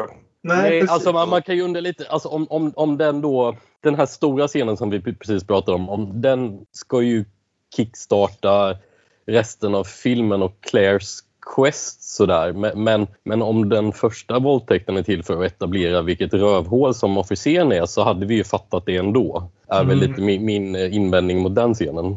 Mm. Den invaggade en i en falsk säkerhet. Okej, det var det brutala. Ja, i och för sig ligger något i det. Ja, jo kanske. Det var hur jag Men, tänkte. eh, det- Först det är var det den det scenen, sen såg man Claire lite hoppfull prata med sin man. Och vi ska härifrån, vi ska härifrån. Och man tänker att ja, okej, det kommer att vara en så sorglig film för att de aldrig kommer därifrån. Ja, det kom de sannerligen inte. Mm. Eh, Det var, Mm. det var Men det var- jobbigt. Ja, och det var skönt att vi kom förbi den biten i diskussionen ganska fort och inte hängde upp på spåren. För det är ju samtidigt också lite det här att det ju trots allt börjar som en del andra filmer vi har diskuterat. Det börjar i någon mån som både Revenge eller som Jungfrukällan. Och sen så vänder det lite och blir en annan film när hon då ska ta sin hem. Då vi landar lite mer i ja, mix cut-off via pianot. För hon behöver ju en guide för att ta sig igenom den här djungeln. Det är ingen, ingen vit person som tar sig in där och ut därifrån levande själv. Utan då möter vi ju vår andra faktiska huvudperson, Billy. Som väl förmodligen absolut inte döptes till Billy av sina föräldrar gissar jag. Utan har fått det namnet av. Vi får ens riktiga namn lite senare. Vi kan ju byta till det då tänker jag. Ja, precis. Men än så länge heter han Billy de startar. För det är ju så här att det är intressant för den använder ändå en del sådana här liksom genretroper i det här. Att de två börjar som liksom kraftigt ogillar varandra och han typ mer eller mindre tvingas med på hela den här att behöva ta den här hysteriska kvinnan genom djungeln lätt mot sin vilja bara för att hon betalar tillräckligt mycket och sen lyckas övertyga honom på sådana sätt. Och så kommer de bli väldigt viktiga för varandra på slutet. Alltså den följer ju vissa mallar ändå i historieberättandet som vi verkligen känner igen. Det är bara sen vad, hur den väljer att berätta historien inom det. Att det är en fantastiskt fotograferad film. Det är också en fantastisk film på hur den skapar sin jävligt obehagliga stämning mitt i det här. Ja. Eh, så Vildmarken såg inte, såg inte bekväm ut i Mix Cut-Off men den ser ännu mindre, liksom ännu mer ogästvänlig ut här nästan. Och eh, Jo, nej, här, här tänker jag att Jennifer Kent har sett mer än en Vietnamfilm liksom. ja, precis. Och i första scenen så är det, det är lite varmt ljus. Det, det brinner eldar i bakgrunden så det blir sånt ljus. Sen efter händelsen så blir det väldigt grått, grådaskigt. Det är något som Ända- har försvunnit ur världen. Ända fram till filmens absolut sista scen. Precis. Så den jobbar visuellt den här filmen. Och i Den jobb- 4-3. Ja, Precis som eh, Mix Cut-Off igen. Det Ja. är tydligen så man gör westerns ja precis. Eller Ja. I det här fallet då. i det här fallet. Då är de väl se ut på sin resa då, de här två eh, huvudpersonerna som, eh, som Björn var inne på, som, så är det två personer som båda är drabbade av engelsk kolonial- kolonialism eller engelska försök att sudda ut deras kultur. Och trots det så, så reagerar ju Claire väldigt, hon reagerar ju väldigt direkt på ett rasistiskt eh, får ett rasistiskt förhållningssätt till Billy. Både föraktar honom, är rädd för honom, So I know their way better with the. End up in a part of someone's dinner. behandlar väl honom som en ägodel lite grann och, och eh, reproducerar både sin egen hur hon har blivit behandlad men också sitt vita privilegium på något vis. Men sen utvecklar de väl ändå en, en ganska fin vänskapsrelation genom sina delade erfarenheter även om eh, och sina gemensamma erfarenheter som förtryckta. Även, även om det är en lite balansgång här, alltså att, att man börjar tänka att ja, det är väl inte så att filmen ska likställa kanske ändå vad irländarna och, och, och, och tasmanierna har varit med om. Det är ändå lite varningsflagg för att filmen försöker göra det, men, men det gör den Nej, kanske det är inte ändå. jag tänker inte irländsk bara, det är också kvinnor. Ja. Ja, jo det spelar absolut in. Absolut. Men ändå, Och men på det- Tasmanien där också, dit skickades som de värsta manliga förbrytarna. Och sen kvoterades det in lite kvinnor som kanske hade snott en limpa. Mm. För kunde ju inte leva utan kvinnor. Men det är ju en ganska fin, nu hoppar jag lite ur sekvensen, men det är ju en väldigt fin scen också när de faktiskt börjar närma sig lite grann. För just för att de kom på det här att ja, du är från Irland, jag är från Tasmanien. Om Ja. det är något vi kan komma överens om så är det att vi hatar de jävla engelsmännen. Exakt. You England. I'm not England. I'm Ireland. You bloody England. I'm Ireland! Ijig jalgach sasnach, gach mach mahrachub, machal na bulligi arab, an hui kanan arab, Eden gebrach. You Ireland. Yes, I'm Ireland, you fool. I frickin' hate the English. I'm Ireland. Och, och, Det är jättefin scen. och det är ju där vi får veta att hans namn är Mangana också. Så vi kan ju kalla honom det i fortsättningen. Men just den här scenen där han liksom fräser åt henne att du är bara ytterligare en jävla engelsman och hon börjar ryta åt honom på, på irländska i en minut. Avslutar med att skrika Eringo brach. Och det, ja, man märker liksom han, det, poletten trillar ner. Jaha, engelsmännen gör till och med så här mot sina egna. Ja. Det är liksom, du gör så mot andra vita också. Det här, this shit's more fucked up than I thought. Liksom. Nej, men det, alltså det, det som jag verkligen var rädd för var väl kanske att eh, filmen är att, att tassa lite på linjen till Green Book. Mm. Eh, alltså om, om bara alla rasister får lära känna en svart så löser vi rasismen. Och vi är ju båda lite förtryckta på sätt och vis. Så jag förstår precis hur det är att vara svart. För en gång var det en riking som anklagade mig för att snyta mig i kalsongerna. Eh, jag, jag, alltså, jag, jag upplever ändå att Nightingale det var mer något jag var lite rädd för när, jag såg vart Ja, jag. Jag, Jag upplever det som att Nightingale håller sig på rätt sida och inte blir Green Book. Eh, Och jag tyckte det var väldigt skönt. Jag gillar inte Green Book. Och jag tror vi är ganska överens om det. Alltså, den här filmen lyckas ändå visa att personer kan dela vissa erfarenheter och ändå vara väldigt olika. Alltså, de kan ha samma förtryckare men deras erfarenheter behöver inte likställas bara för det. Mm. Men det är en så väldigt fin scen där när de eh, bondar och de har varsin låt. Han har en låt om att vara sotfågel, hon har en låt om att vara näktergal. Det, det, det blir riktigt mysigt här. Klipp snabbt till ny våldtäkt. Ja, exakt. Ja, med lite, lite för- mer våld. Det är ju inte, våra kära brist- soldater kan ju inte liksom gå i fyra dagar utan att våldta någon. Herregud. Damon Harriman som väl är egentligen den skådisen jag tror man kanske känner igen allra mest i den här bara för att han har spelat olika nivåer av från bara lite små elak dumjävel i saker som Justified till att han fick spela Charles Manson två gånger om på samma år. Smiter ut i skogen och, eh, och hämtar sig en, en, en tasmansk kvinna att, att ha med sig som underhållning på vägen. Vilket ju alltså det, det, det smygs inte med hur mycket våldtäkt som förmodligen förekom i samband med liksom tidig kolonisering. Så, som sagt, de, de som finns kvar har vita fäder någonstans i släktträdet. Vi ska säga löjtnanten spelas av Sam Claflin som åtminstone jag känner igen som Finnick O'Dare i Hungerspelen-filmerna. Han är inte lika sympatisk här. Möjligen lika Fler än traumatiserad. J Lo i Hungerspelet-filmen. Men, men jag gillar ändå det här liksom att Kent är väldigt noga med det här varje gång. Vi, vi får inte den här liksom bilden av, som ofta blir fallet i den här sortens amerikanska westerns, att vi inte får höra vad infödingarna säger. Utan det är väldigt noga undertextat vad alla säger. Mm. Det är liksom verkligen snälla du kan ta åtminstone med mig med min son också. Jag kan inte lämna min son ensam i djungeln här bara för att ni har fått för er att ni vill ha någon att våldta under de närmaste tre dagarna. Eh, Och det- men blir, blir hon mer till en riktig person då, tänker du?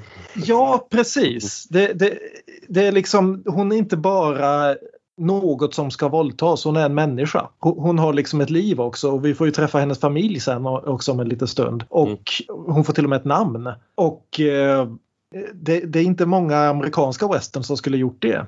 Nej, Om det nej. hade varit fråga om en tjejenkvinna liksom. Jag var så förvirrad. Jag är inte så bekant med Sam Claflin så jag satt en bra stund och funderade på om det var Stålmannen, vad han nu heter. För han, Han har säkert honom. spelat Stålmannen här också någon gång. Ja, men jag Nej, det är på- ganska likt eh, Herr Cavill. Ja, precis. Eh, Jag var nästan tvungen att dubbelkolla så det inte var han för jag har inte sett honom jättemycket heller. Jag tyckte han såg lite annorlunda men tillräckligt nära att jag blev lite lätt förvirrad där. Men man ser ju också här liksom Kents bakgrund som skräckfilmsregissör därför att hon lyfter ju fram det här just att så heligt förbannad som Claire är så är hon också så djupt traumatiserad. Så fort hon försöker sova så ser hon bara den här scenen framför sig. Och vi får en chans att använda vår favoritjingel för första gången på ett litet tag.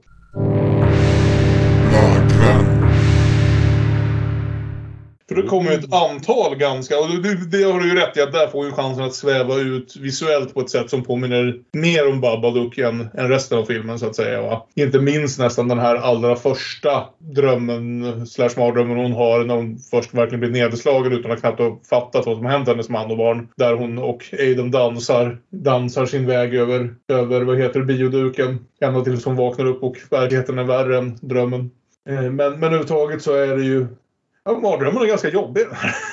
alltså allting är ganska jobbigt i den här, mi- minst sagt. Men hur som helst, om det är någon som verkligen kan sitt jobb i den här filmen så är det ju Billy som är en alldeles utmärkt spårare och kommer ikapp dem hyfsat fort samtidigt som de har lite tur som sagt. För de råkar i bråk med Loanas familj, de här soldaterna på jakt. Och eh, Inte i bråk ens en gång för när, henne, när Loanas, alltså den här eh, infödingskvinnan, hen, hennes man dyker upp tillsammans med några kompisar och direkt lägger ifrån sig eh, spjutet och gör det internationella tecknet för skjut inte, jag vill prata. Varpå löjtnanten naturligtvis skjuter Loana i ryggen och springer. ja, precis. Och, eh, Och överger sina män åt sitt öde dessutom. Precis, för medan vad nu heter det här, eh, Hawkins är den huvudsakliga skurken så blev, var det ju även som sagt de två andra soldaterna Jago och Luddy som var delansvariga i att Claire blev våldtagen och hennes familj död. Och det var ju denna Jago som hon nu kommer ikapp som var den som faktiskt däng, dängde ungen i väggen. Och det här blir det jobbigt igen rent visuellt och våldsamt. Jag kan tänka mig, jag vet inte om det var här du pratade om Olof? Nej, Det alltså jätte- jag, jag, jag tyckte det, det var vå- våldtäktsscenen av den här aboriginska kvinnan som jag tyckte var jobbigast. Ja, och Därför att eh, jag, jag, alltså jag kan förstå på något intellektuellt plan att ja, det, det här är till för att etablera hur, hur, liksom, hur grymma engelsmännen var m- mot, mot urbefolkningen och, och vi, vi behöver på något sätt känna det med, med, med hela kroppen och det därför måste, vi se den här scenen. Men, men eh, den, var, den var himla vidrig den scenen. Så att, eh, och jag, jag kände väl att jag inte riktigt förstod varför den var tvungen att vara på det sättet. Alltså, jag kände ja, men jag vet redan att det här är vidriga människor. Måste jag se detta? Så att jag tänkte. Och sen, sen den här blodiga mordscenen kom, som vi kommer till nu, så var jag, var jag kanske lite avtubbad vid det laget.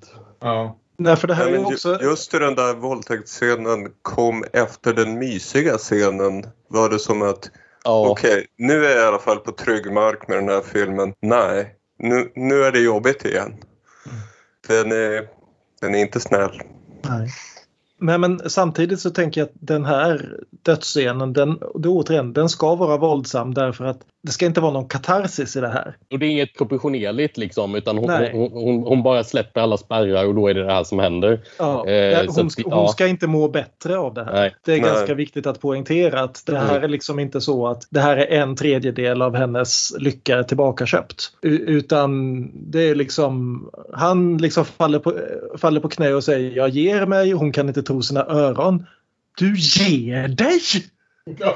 ja. skjuter honom, geväret klickar andra gången. Då återigen det här, hon måste ladda om precis som i Ja, jag tänkte sagt. också på det. Ja, Och det tar ju evigheter medan han ligger där och jämrar sig och hon försöker ladda om geväret. Så klickar det ändå. Han drar en kniv, hon tar kniven ifrån honom, sticker honom med den några gånger. Sen får hon tag på geväret och så bankar hon sönder hans ansikte i fem minuter i sträck. Mm. Jag vet inte om eh, hur, hur mycket jag påverkas då av, av att filmen in, eh, scenen innan var så hemsk. Men när jag, när, jag, när jag ser den här att Claire bankar sönder den här killen så tänkte jag ganska mycket, ja men det här är nog rimligt. även, om, även om det var obehagligt såklart. Men, eh, men, men det kändes rimligt att det, det var det hon gjorde. Jag tänkte lite på Eastern Promises. Just i Cronenberg sa att det enda som var orealistiskt i skildringen av Londons maffia var att de har inga skjutvapen.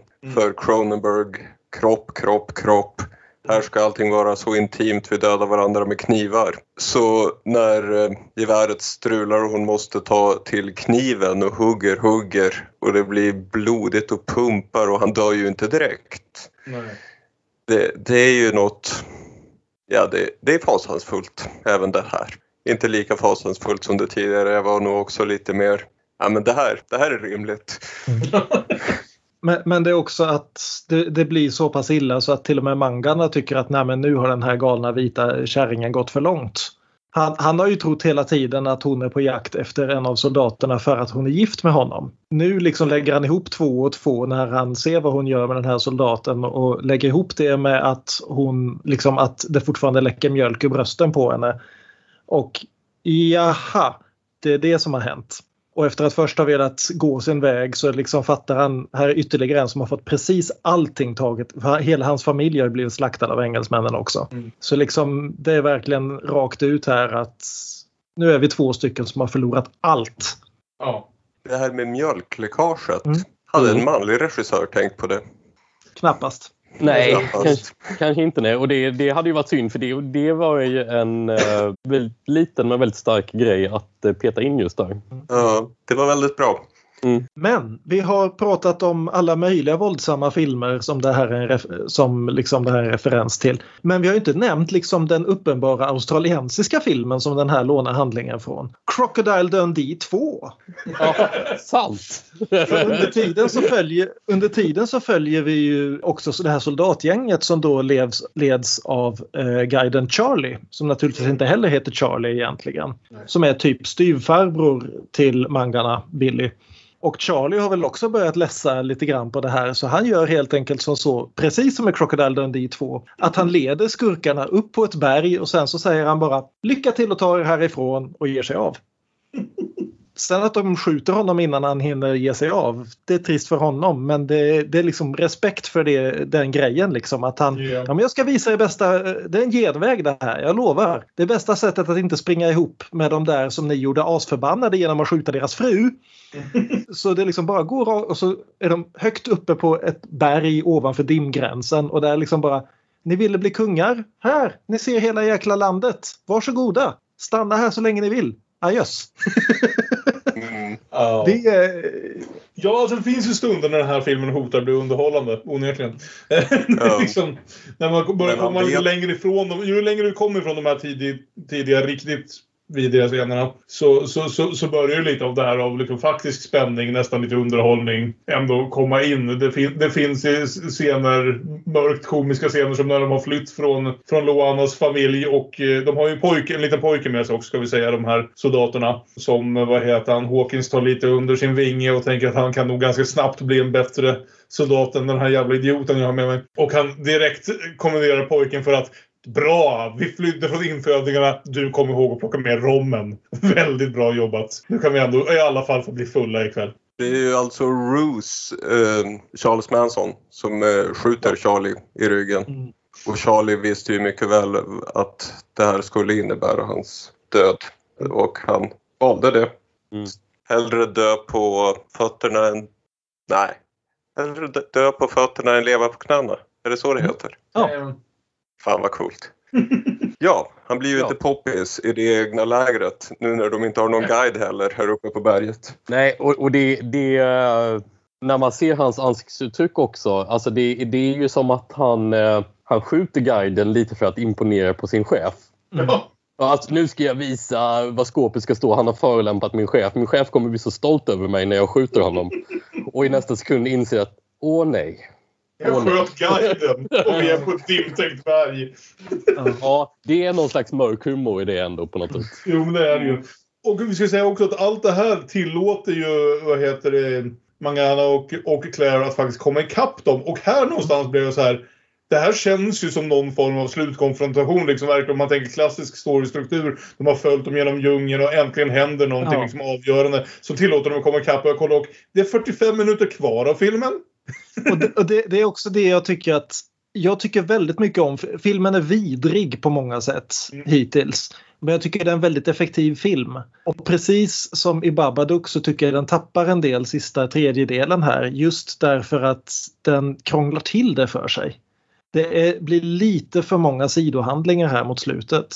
Den hade kunnat liksom, jag säger inte nödvändigtvis att den ska komma till slutavgörandet direkt här efter 90 minuter men den hade inte behövt fortsätta i 45 minuter olika förvecklingar till. Det, det är inte så att någon av förvecklingarna är direkt dålig men den tappar farten. Nej, det, det är en bra eh, synpunkt för att, för att det är ju av det som är kvar nu så är det ändå mycket som är bra. Men, men frågan är om det är ändå frågan om allting behövs men det är svårt att säga vad man ska ta bort. För vi har ju till exempel en ganska bra scen som kommer som är bland det bästa i filmen tycker jag nästan när, när de kommer hem till det här gamla paret snart. Men vi ska säga det också att det En som bit händer är... dit. Ja, det kanske är. Ja, För kan vänta med vi det. får, får den här konfrontationen som ju väldigt mycket känns som att hade det här varit en liksom tight rape and revenge-film hade det förmodligen slutat här. Men i- med allt det här vi har byggt upp, liksom den större världen runt om med kolonialiseringen och så, skulle det ha blivit en väldigt tom hämnd Ja.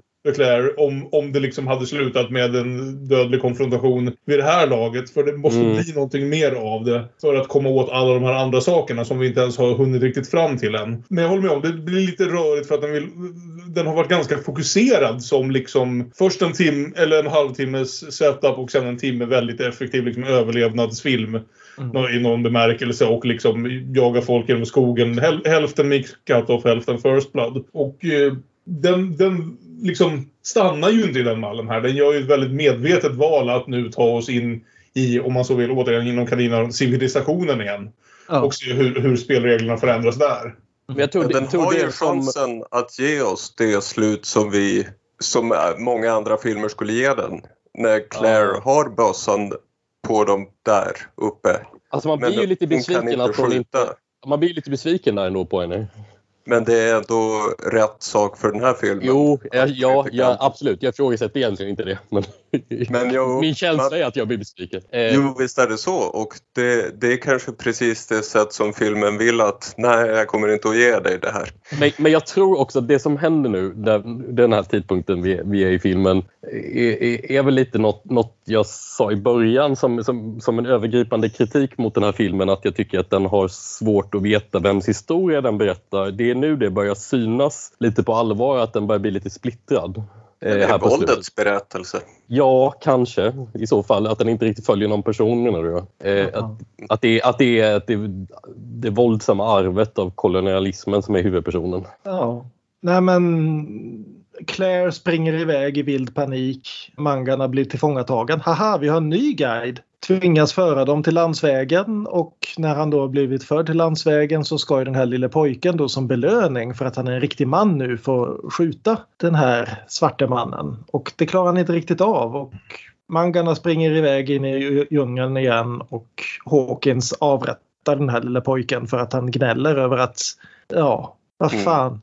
Det Han liksom hur börjar jävla- gråta Ja, som en precis. tjej. Ja. Och här är den kvart jag hade klippt bort ur filmen. Den här pojken, Eddie. Mm. Mm. Behöver vi honom? Inte Det här var inte tillfredsställande barnamord som det första. Nej. That's one way of putting it.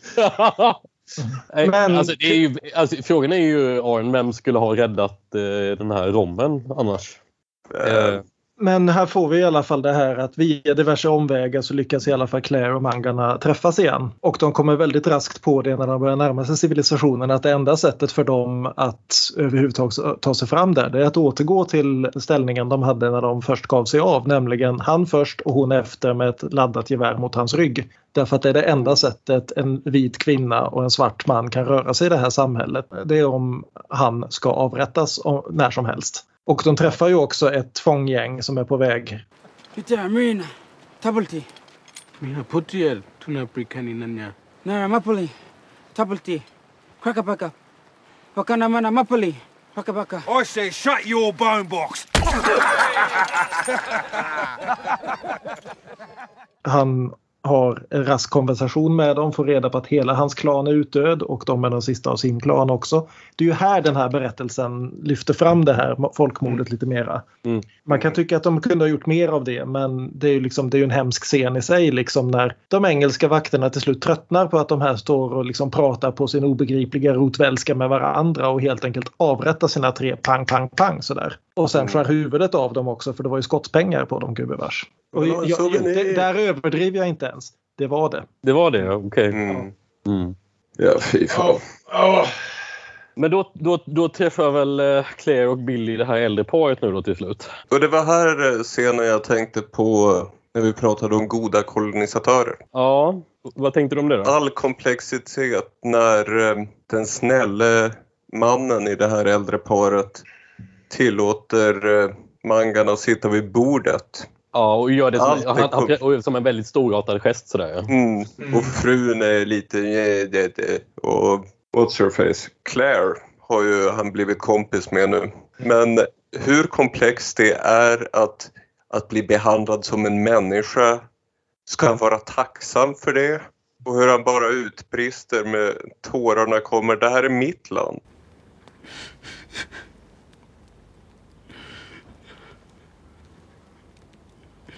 This is my country.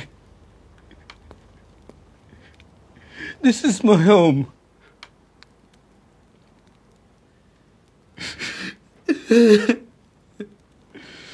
Ja, för det är ju det som är så...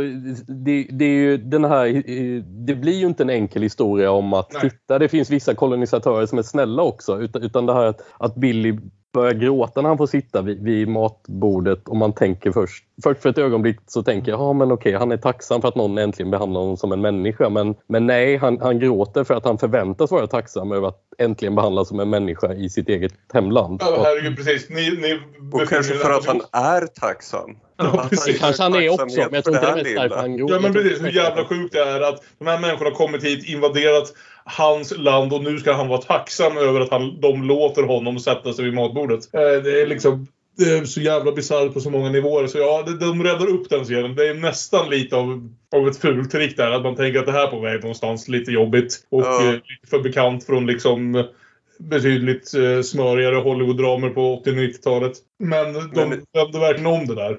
Ja, det spränger upp det, allt det där med... Ja, det är så komplext och jag tyckte väldigt... Jag blev drabbad av det. Mm. Jo, nej, men det är en väldigt fin scen det där. Väldigt hemsk scen. Men till slut kommer de fram till stan. Den där som de har gått mot hela tiden. Där, vad heter det, Hawkins ska få sin, vad heter det, få befordras hoppas han. För att han har varit bäst på att döda svarta människor. Och eh, jag gillar någonstans den här konfrontationen som sker här också. Som inte blir en våldsam konfrontation. Utan där liksom Claire till slut har fått nog. Och helt enkelt liksom stampar in på officerskrogen. Och bara berättar för alla i sällskapet precis Och vem jag- han är och vad han har gjort. Och jag gillar också det som kommer alldeles innan. När de möts mitt på gatan. Och det här är ju människor som i eh, fyra, fem dagar nu har gjort allt för att döda varandra. Ja. Och han försöker inte ens dra ett vapen eller någonting. Han bara tittar på henne och så förklarar han liksom Japp, du tog dig hit ändå, säger han åt sergeanten. Hämta polisen, det är en tjuvhora här. Och så går han. Därför att nu är vi civiliserade. Man skjuter inte folk på öppen gata i en engelsk stad. Det händer inte. Man ringer på polisen. Det är så jävla kallt efter de här våldsamma scenerna som har varit tidigare. Att han här helt enkelt inte ens behöver något våld för han har hela statsapparaten bakom sig. Mm. Tror han i alla fall. Ja, men för statsapparaten eh, bestämmer sig faktiskt, verkar det som i alla fall, för att lyssna på kvinnor för en gångs skull och tro deras berättelser. I alla fall om man dömer av deras ansiktsuttryck. För när hon stampar in här och berättar precis vad han har haft för sig. Inte bara mot svarta människor, för det hade de inte brytt sig om. Men även mot liksom vita människor. Så verkar de i alla fall lite illa berörda om det. Sen kan det mycket väl hända att de sekunderna efter att hon går ut igen vänder ryggen åt och eller skakar på axlarna och inte bestämmer sig för att göra något med, åt den saken. Men det är en stund där som det blir lite dålig stämning. Mm. Också den här scenen, just att man inte riktigt, det är inte den här triumfen. Man vet inte om det här verkligen får någon effekt men, Nej. men de hör i alla fall henne. Och, och det, att som, det som verkligen sjunker in det är att hon stäng, ställer sig och sjunger en irländsk folksång när hon inte har fler ord. The big strong man. Someone get her out! What's the matter, little soldier boy? Didn't your mommy love you?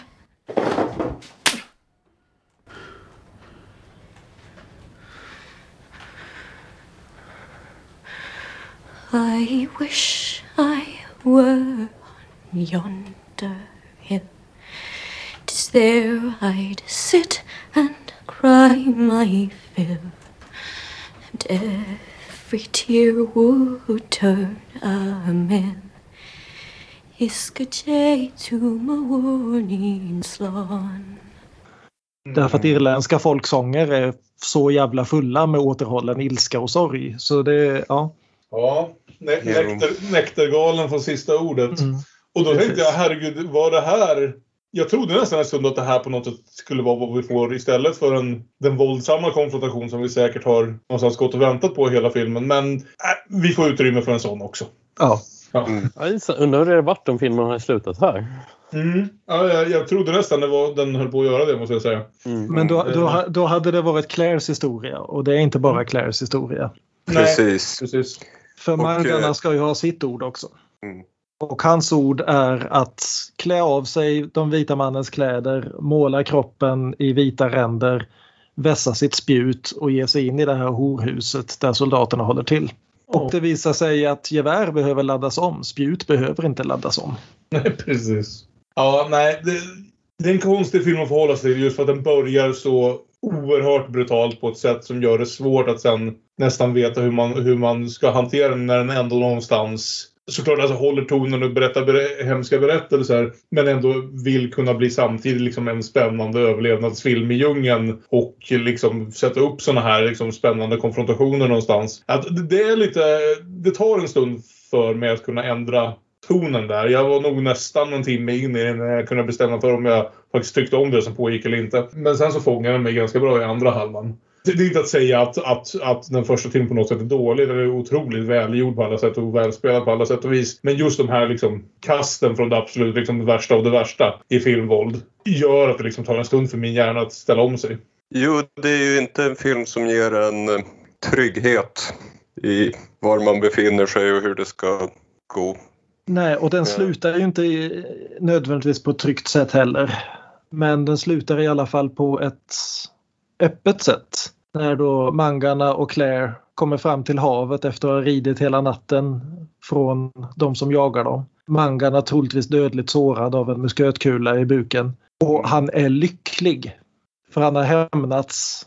Han har visat som den sista av sitt folk att de kan inte bara sudda ut oss. Mm. Han dansar och sjunger på stranden medan blodet rinner. Tills, Ja, han men- inte kan, tills han sjunker ner i sanden och bara ser solen stiga upp medan Claire sjunger sin sång. Mm. Och där slutar filmen.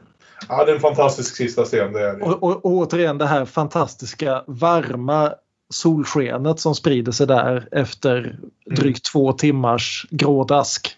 Mm. Mm. Inte för att är, ja nu har vi löst det här slutet. Nej, Ut- nu har vi löst ändå- kolonialismen. Slutet gott, allting gott. En gryning för en ny dag. Ja, jag blev snyftig här.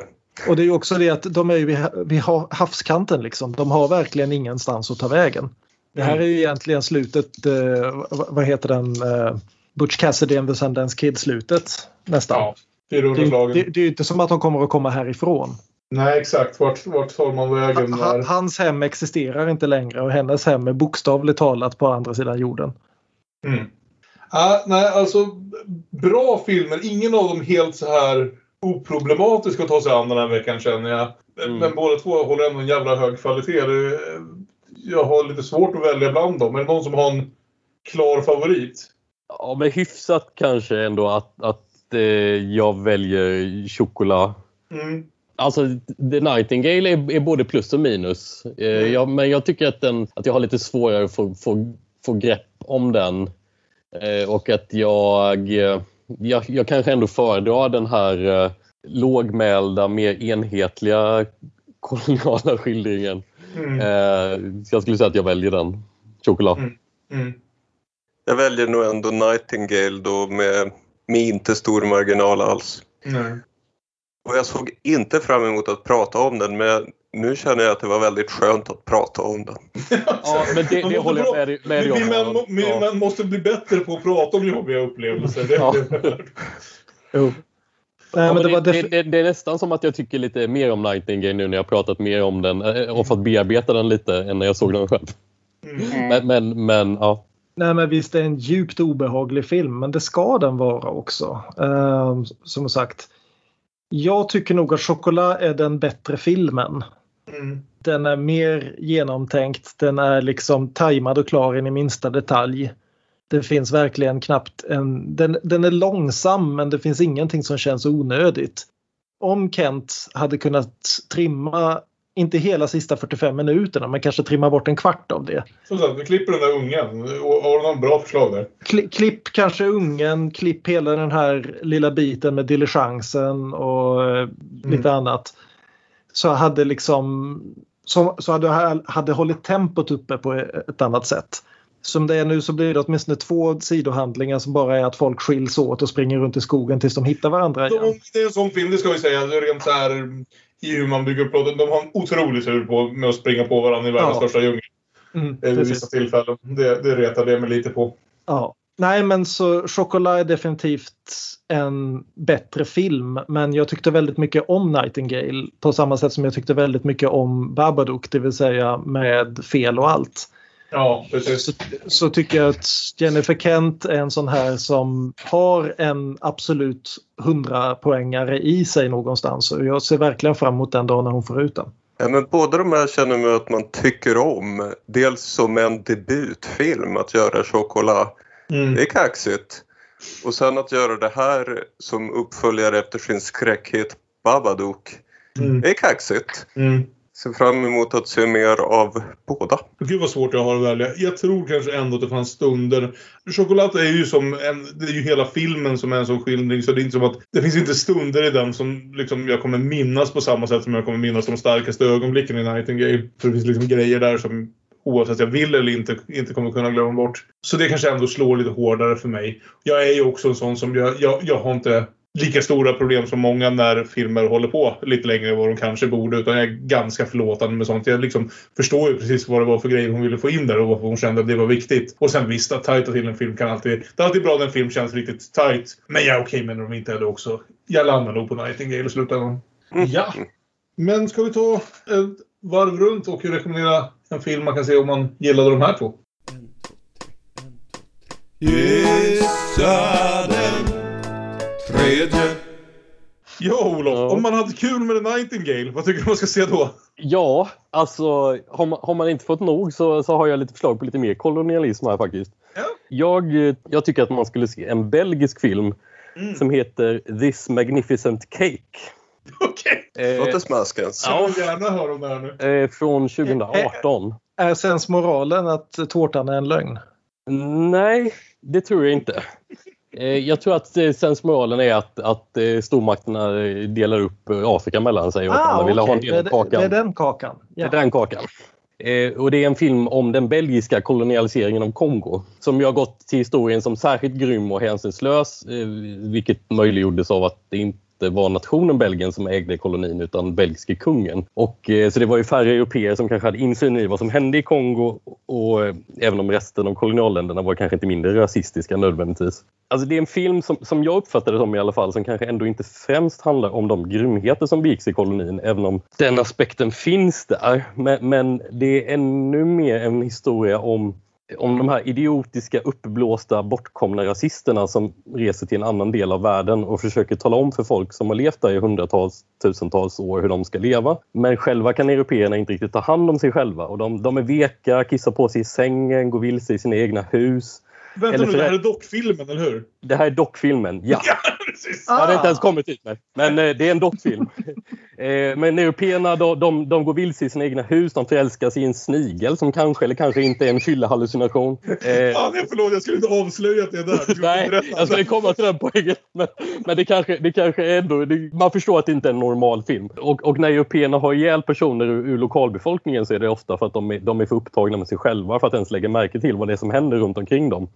Men även om de scenerna alltså, framställs Alltså européerna dödar av tanklöshet ganska mycket snarare än grymhet men, men inte som ett sätt att ursäkta dödandet utan mer att européerna är, är så väldigt, de har inte där att göra liksom. Det är alltså en, det är en gullig film som samtidigt är djupt obehaglig och ganska tung att ta sig igenom trots att den är tre kvart ungefär.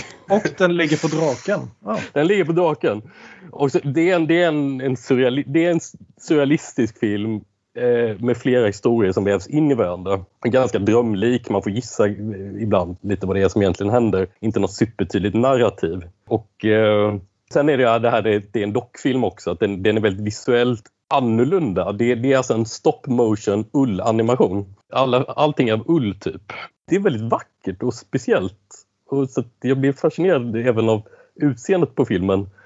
Och eh, det var upp, en uppfriskande, en udda typ av, av animationsstil också. Med ett udda ämne och ganska galet berättande. Så att jag blev ganska såld på den här filmen. Det låter ju toppen, måste jag säga. Den måste jag se. Ja, den sålde du väl. Ehm, Aron, ska vi gå vidare till dig? kan vi göra. Nightingale är en film som jag kanske inte vill se om. En annan film som jag inte gärna vill se om, som jag väl såg för kanske 23 år sedan eller något sånt. Krigarens själ. Ah. Eller som den hette i original, Once Were Warriors. Det är familj nedstigna från Mauri-krigarna. Och det är också det här våldets historiska effekter och hur det ekar kvar. Det är familjedrama. Som, ja precis, så på det som, sättet kopplar du samman dem väldigt väl. Ja, som jag minns inte jättemycket av och eh, inte jättesugen på att se om. Mm. Men eh, visst var den bra? Ja. Uppföljaren är inte lika bra. Mm.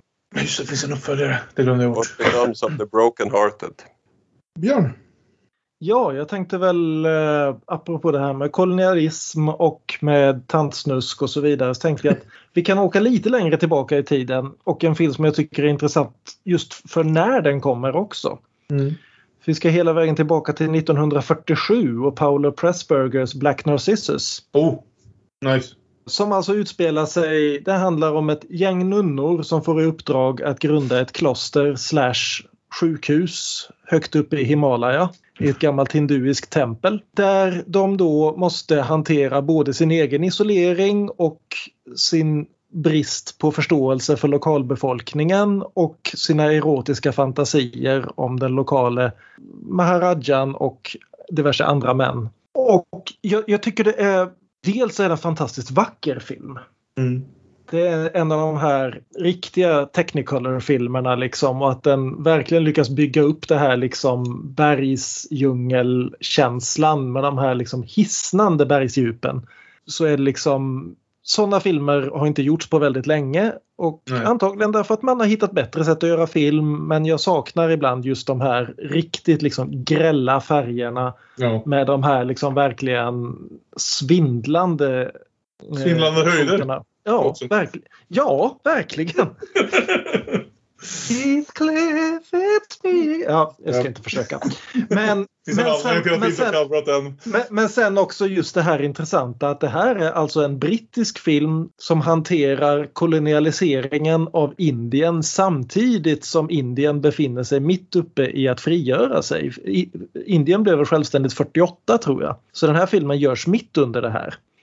Och bilden den har av den brittiska kolonialismen är varken så positiv som den hade varit om filmen hade gjorts fem år tidigare eller så väldigt negativ som den hade varit om filmen hade gjorts 20 år senare. Eller kanske 30 år senare. 20 år senare så gjorde du komedier om det istället. Utan att den lyckas hålla det här väldigt tvetydiga. Det är ingen som riktigt vet vad de gör där. Det är ingen som riktigt vet om de gör någon nytta. Det är ingen som riktigt vet vad de ska med de här nunnorna till etc. etc.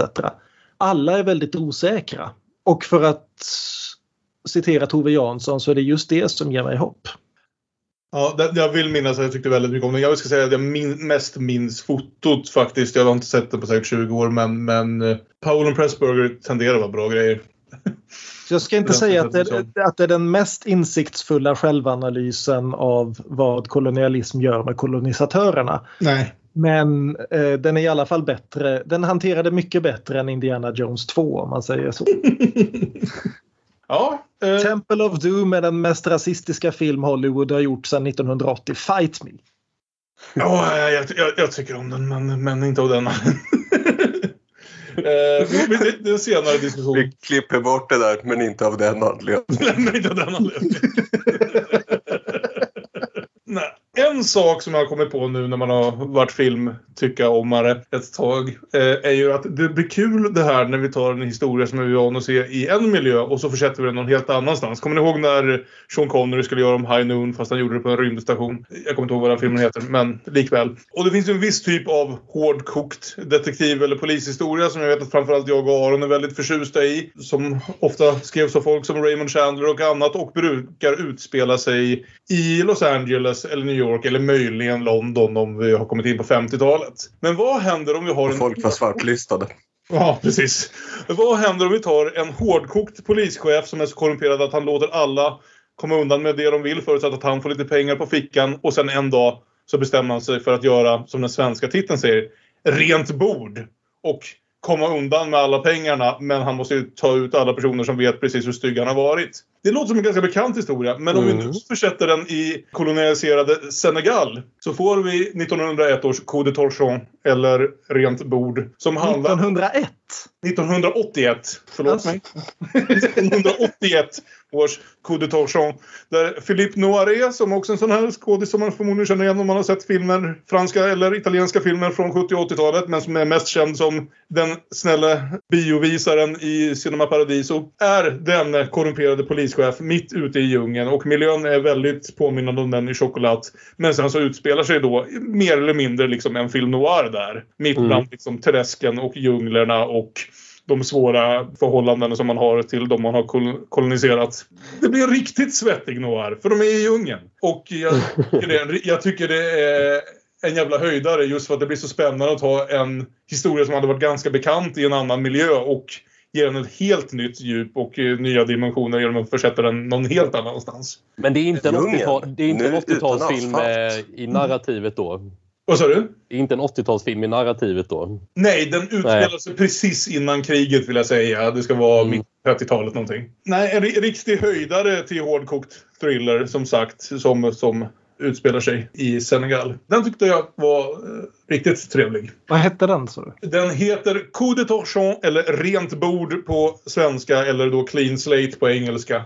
Mm. Kan du stava till Coup de Torchon? C-O-U-P. Mm. T-O-R-C-H-O-N. Ja, tack. Ja. ja, men då så. Det för oss till slutet av veckans avsnitt. Förmodligen, tror jag nu, den näst sista i den här andra säsongen om kvinnliga filmskapare. Och det ska bli lite musik även denna vecka. Den här gången kanske med, vad ska jag säga, en lite tunnare koppling till de faktiska filmerna, men likväl. Nej, det, det finns väl bara så mycket några vita killar inlåsta i sina lägenheter kan säga om kolonialis- kolonialisering genom sång. Ja. Så vi, vi håller oss till titeln och gör Julie Cruise The Nightingale. En gammal favorit från Twin Peaks-soundtracket. Eh, ska bli väldigt spännande att se vad ni lyckas göra av den. Och ja, som sagt. I säsongsavslutningen nästa gång ska vi fortsätta hålla det lätt och se på två filmer om folkmord. Herregud. Eh, jajamän. Vi ska se Lina Wertmüllers Seven Beauties och nu gjorde jag ju det där att använda en, en eh, engelsk titel på en italiensk film. Men jag kommer inte ihåg vad den heter på något annat språk. Den står även Seven Beauties tror jag på omslaget av den svenska DVDn som ni tyvärr får leta upp för den verkar inte finnas tillgänglig på några streamingtjänster. Men det finns en svensk DVD där ute om man går och letar efter den. Vi ska kombinera den med årets hyllade Koadis Aida av Jasmila Zebanik. Som eh, Olof rekommenderade och typ en enig kritikerkår eh, rekommenderade oss om. Och som ju handlar om folkmordet i Serbien. Det blir inte den lättsammaste av avslutningar. Det kanske inte liksom blir feststämning direkt. Men vad fan. Vi började med mycket krig och en del nazister. Och vi kommer avsluta med mycket krig och en del nazister. Innan vi då ger oss in på den tredje säsongen. Kanske blir det lite paus däremellan. Men det kommer handla om remakes eller nyinspelningar eller två versioner av samma berättelse på något vis. Så det är säsong tre, passar jag på att avslöja här. Ni kan som alltid få kontakt med oss via de sociala medierna där vi är Damonpodden på Twitter och på Instagram. Vi är Damonpodden med Ä på Facebook. Och man kan mejla till damonpodden.gmail.com. Vi fick faktiskt ett mejl den här veckan. Så det blir vi glada när det händer. Ha det så bra så länge så hörs vi. Hej då! Hej! Hej! Hej då. said to me, they said.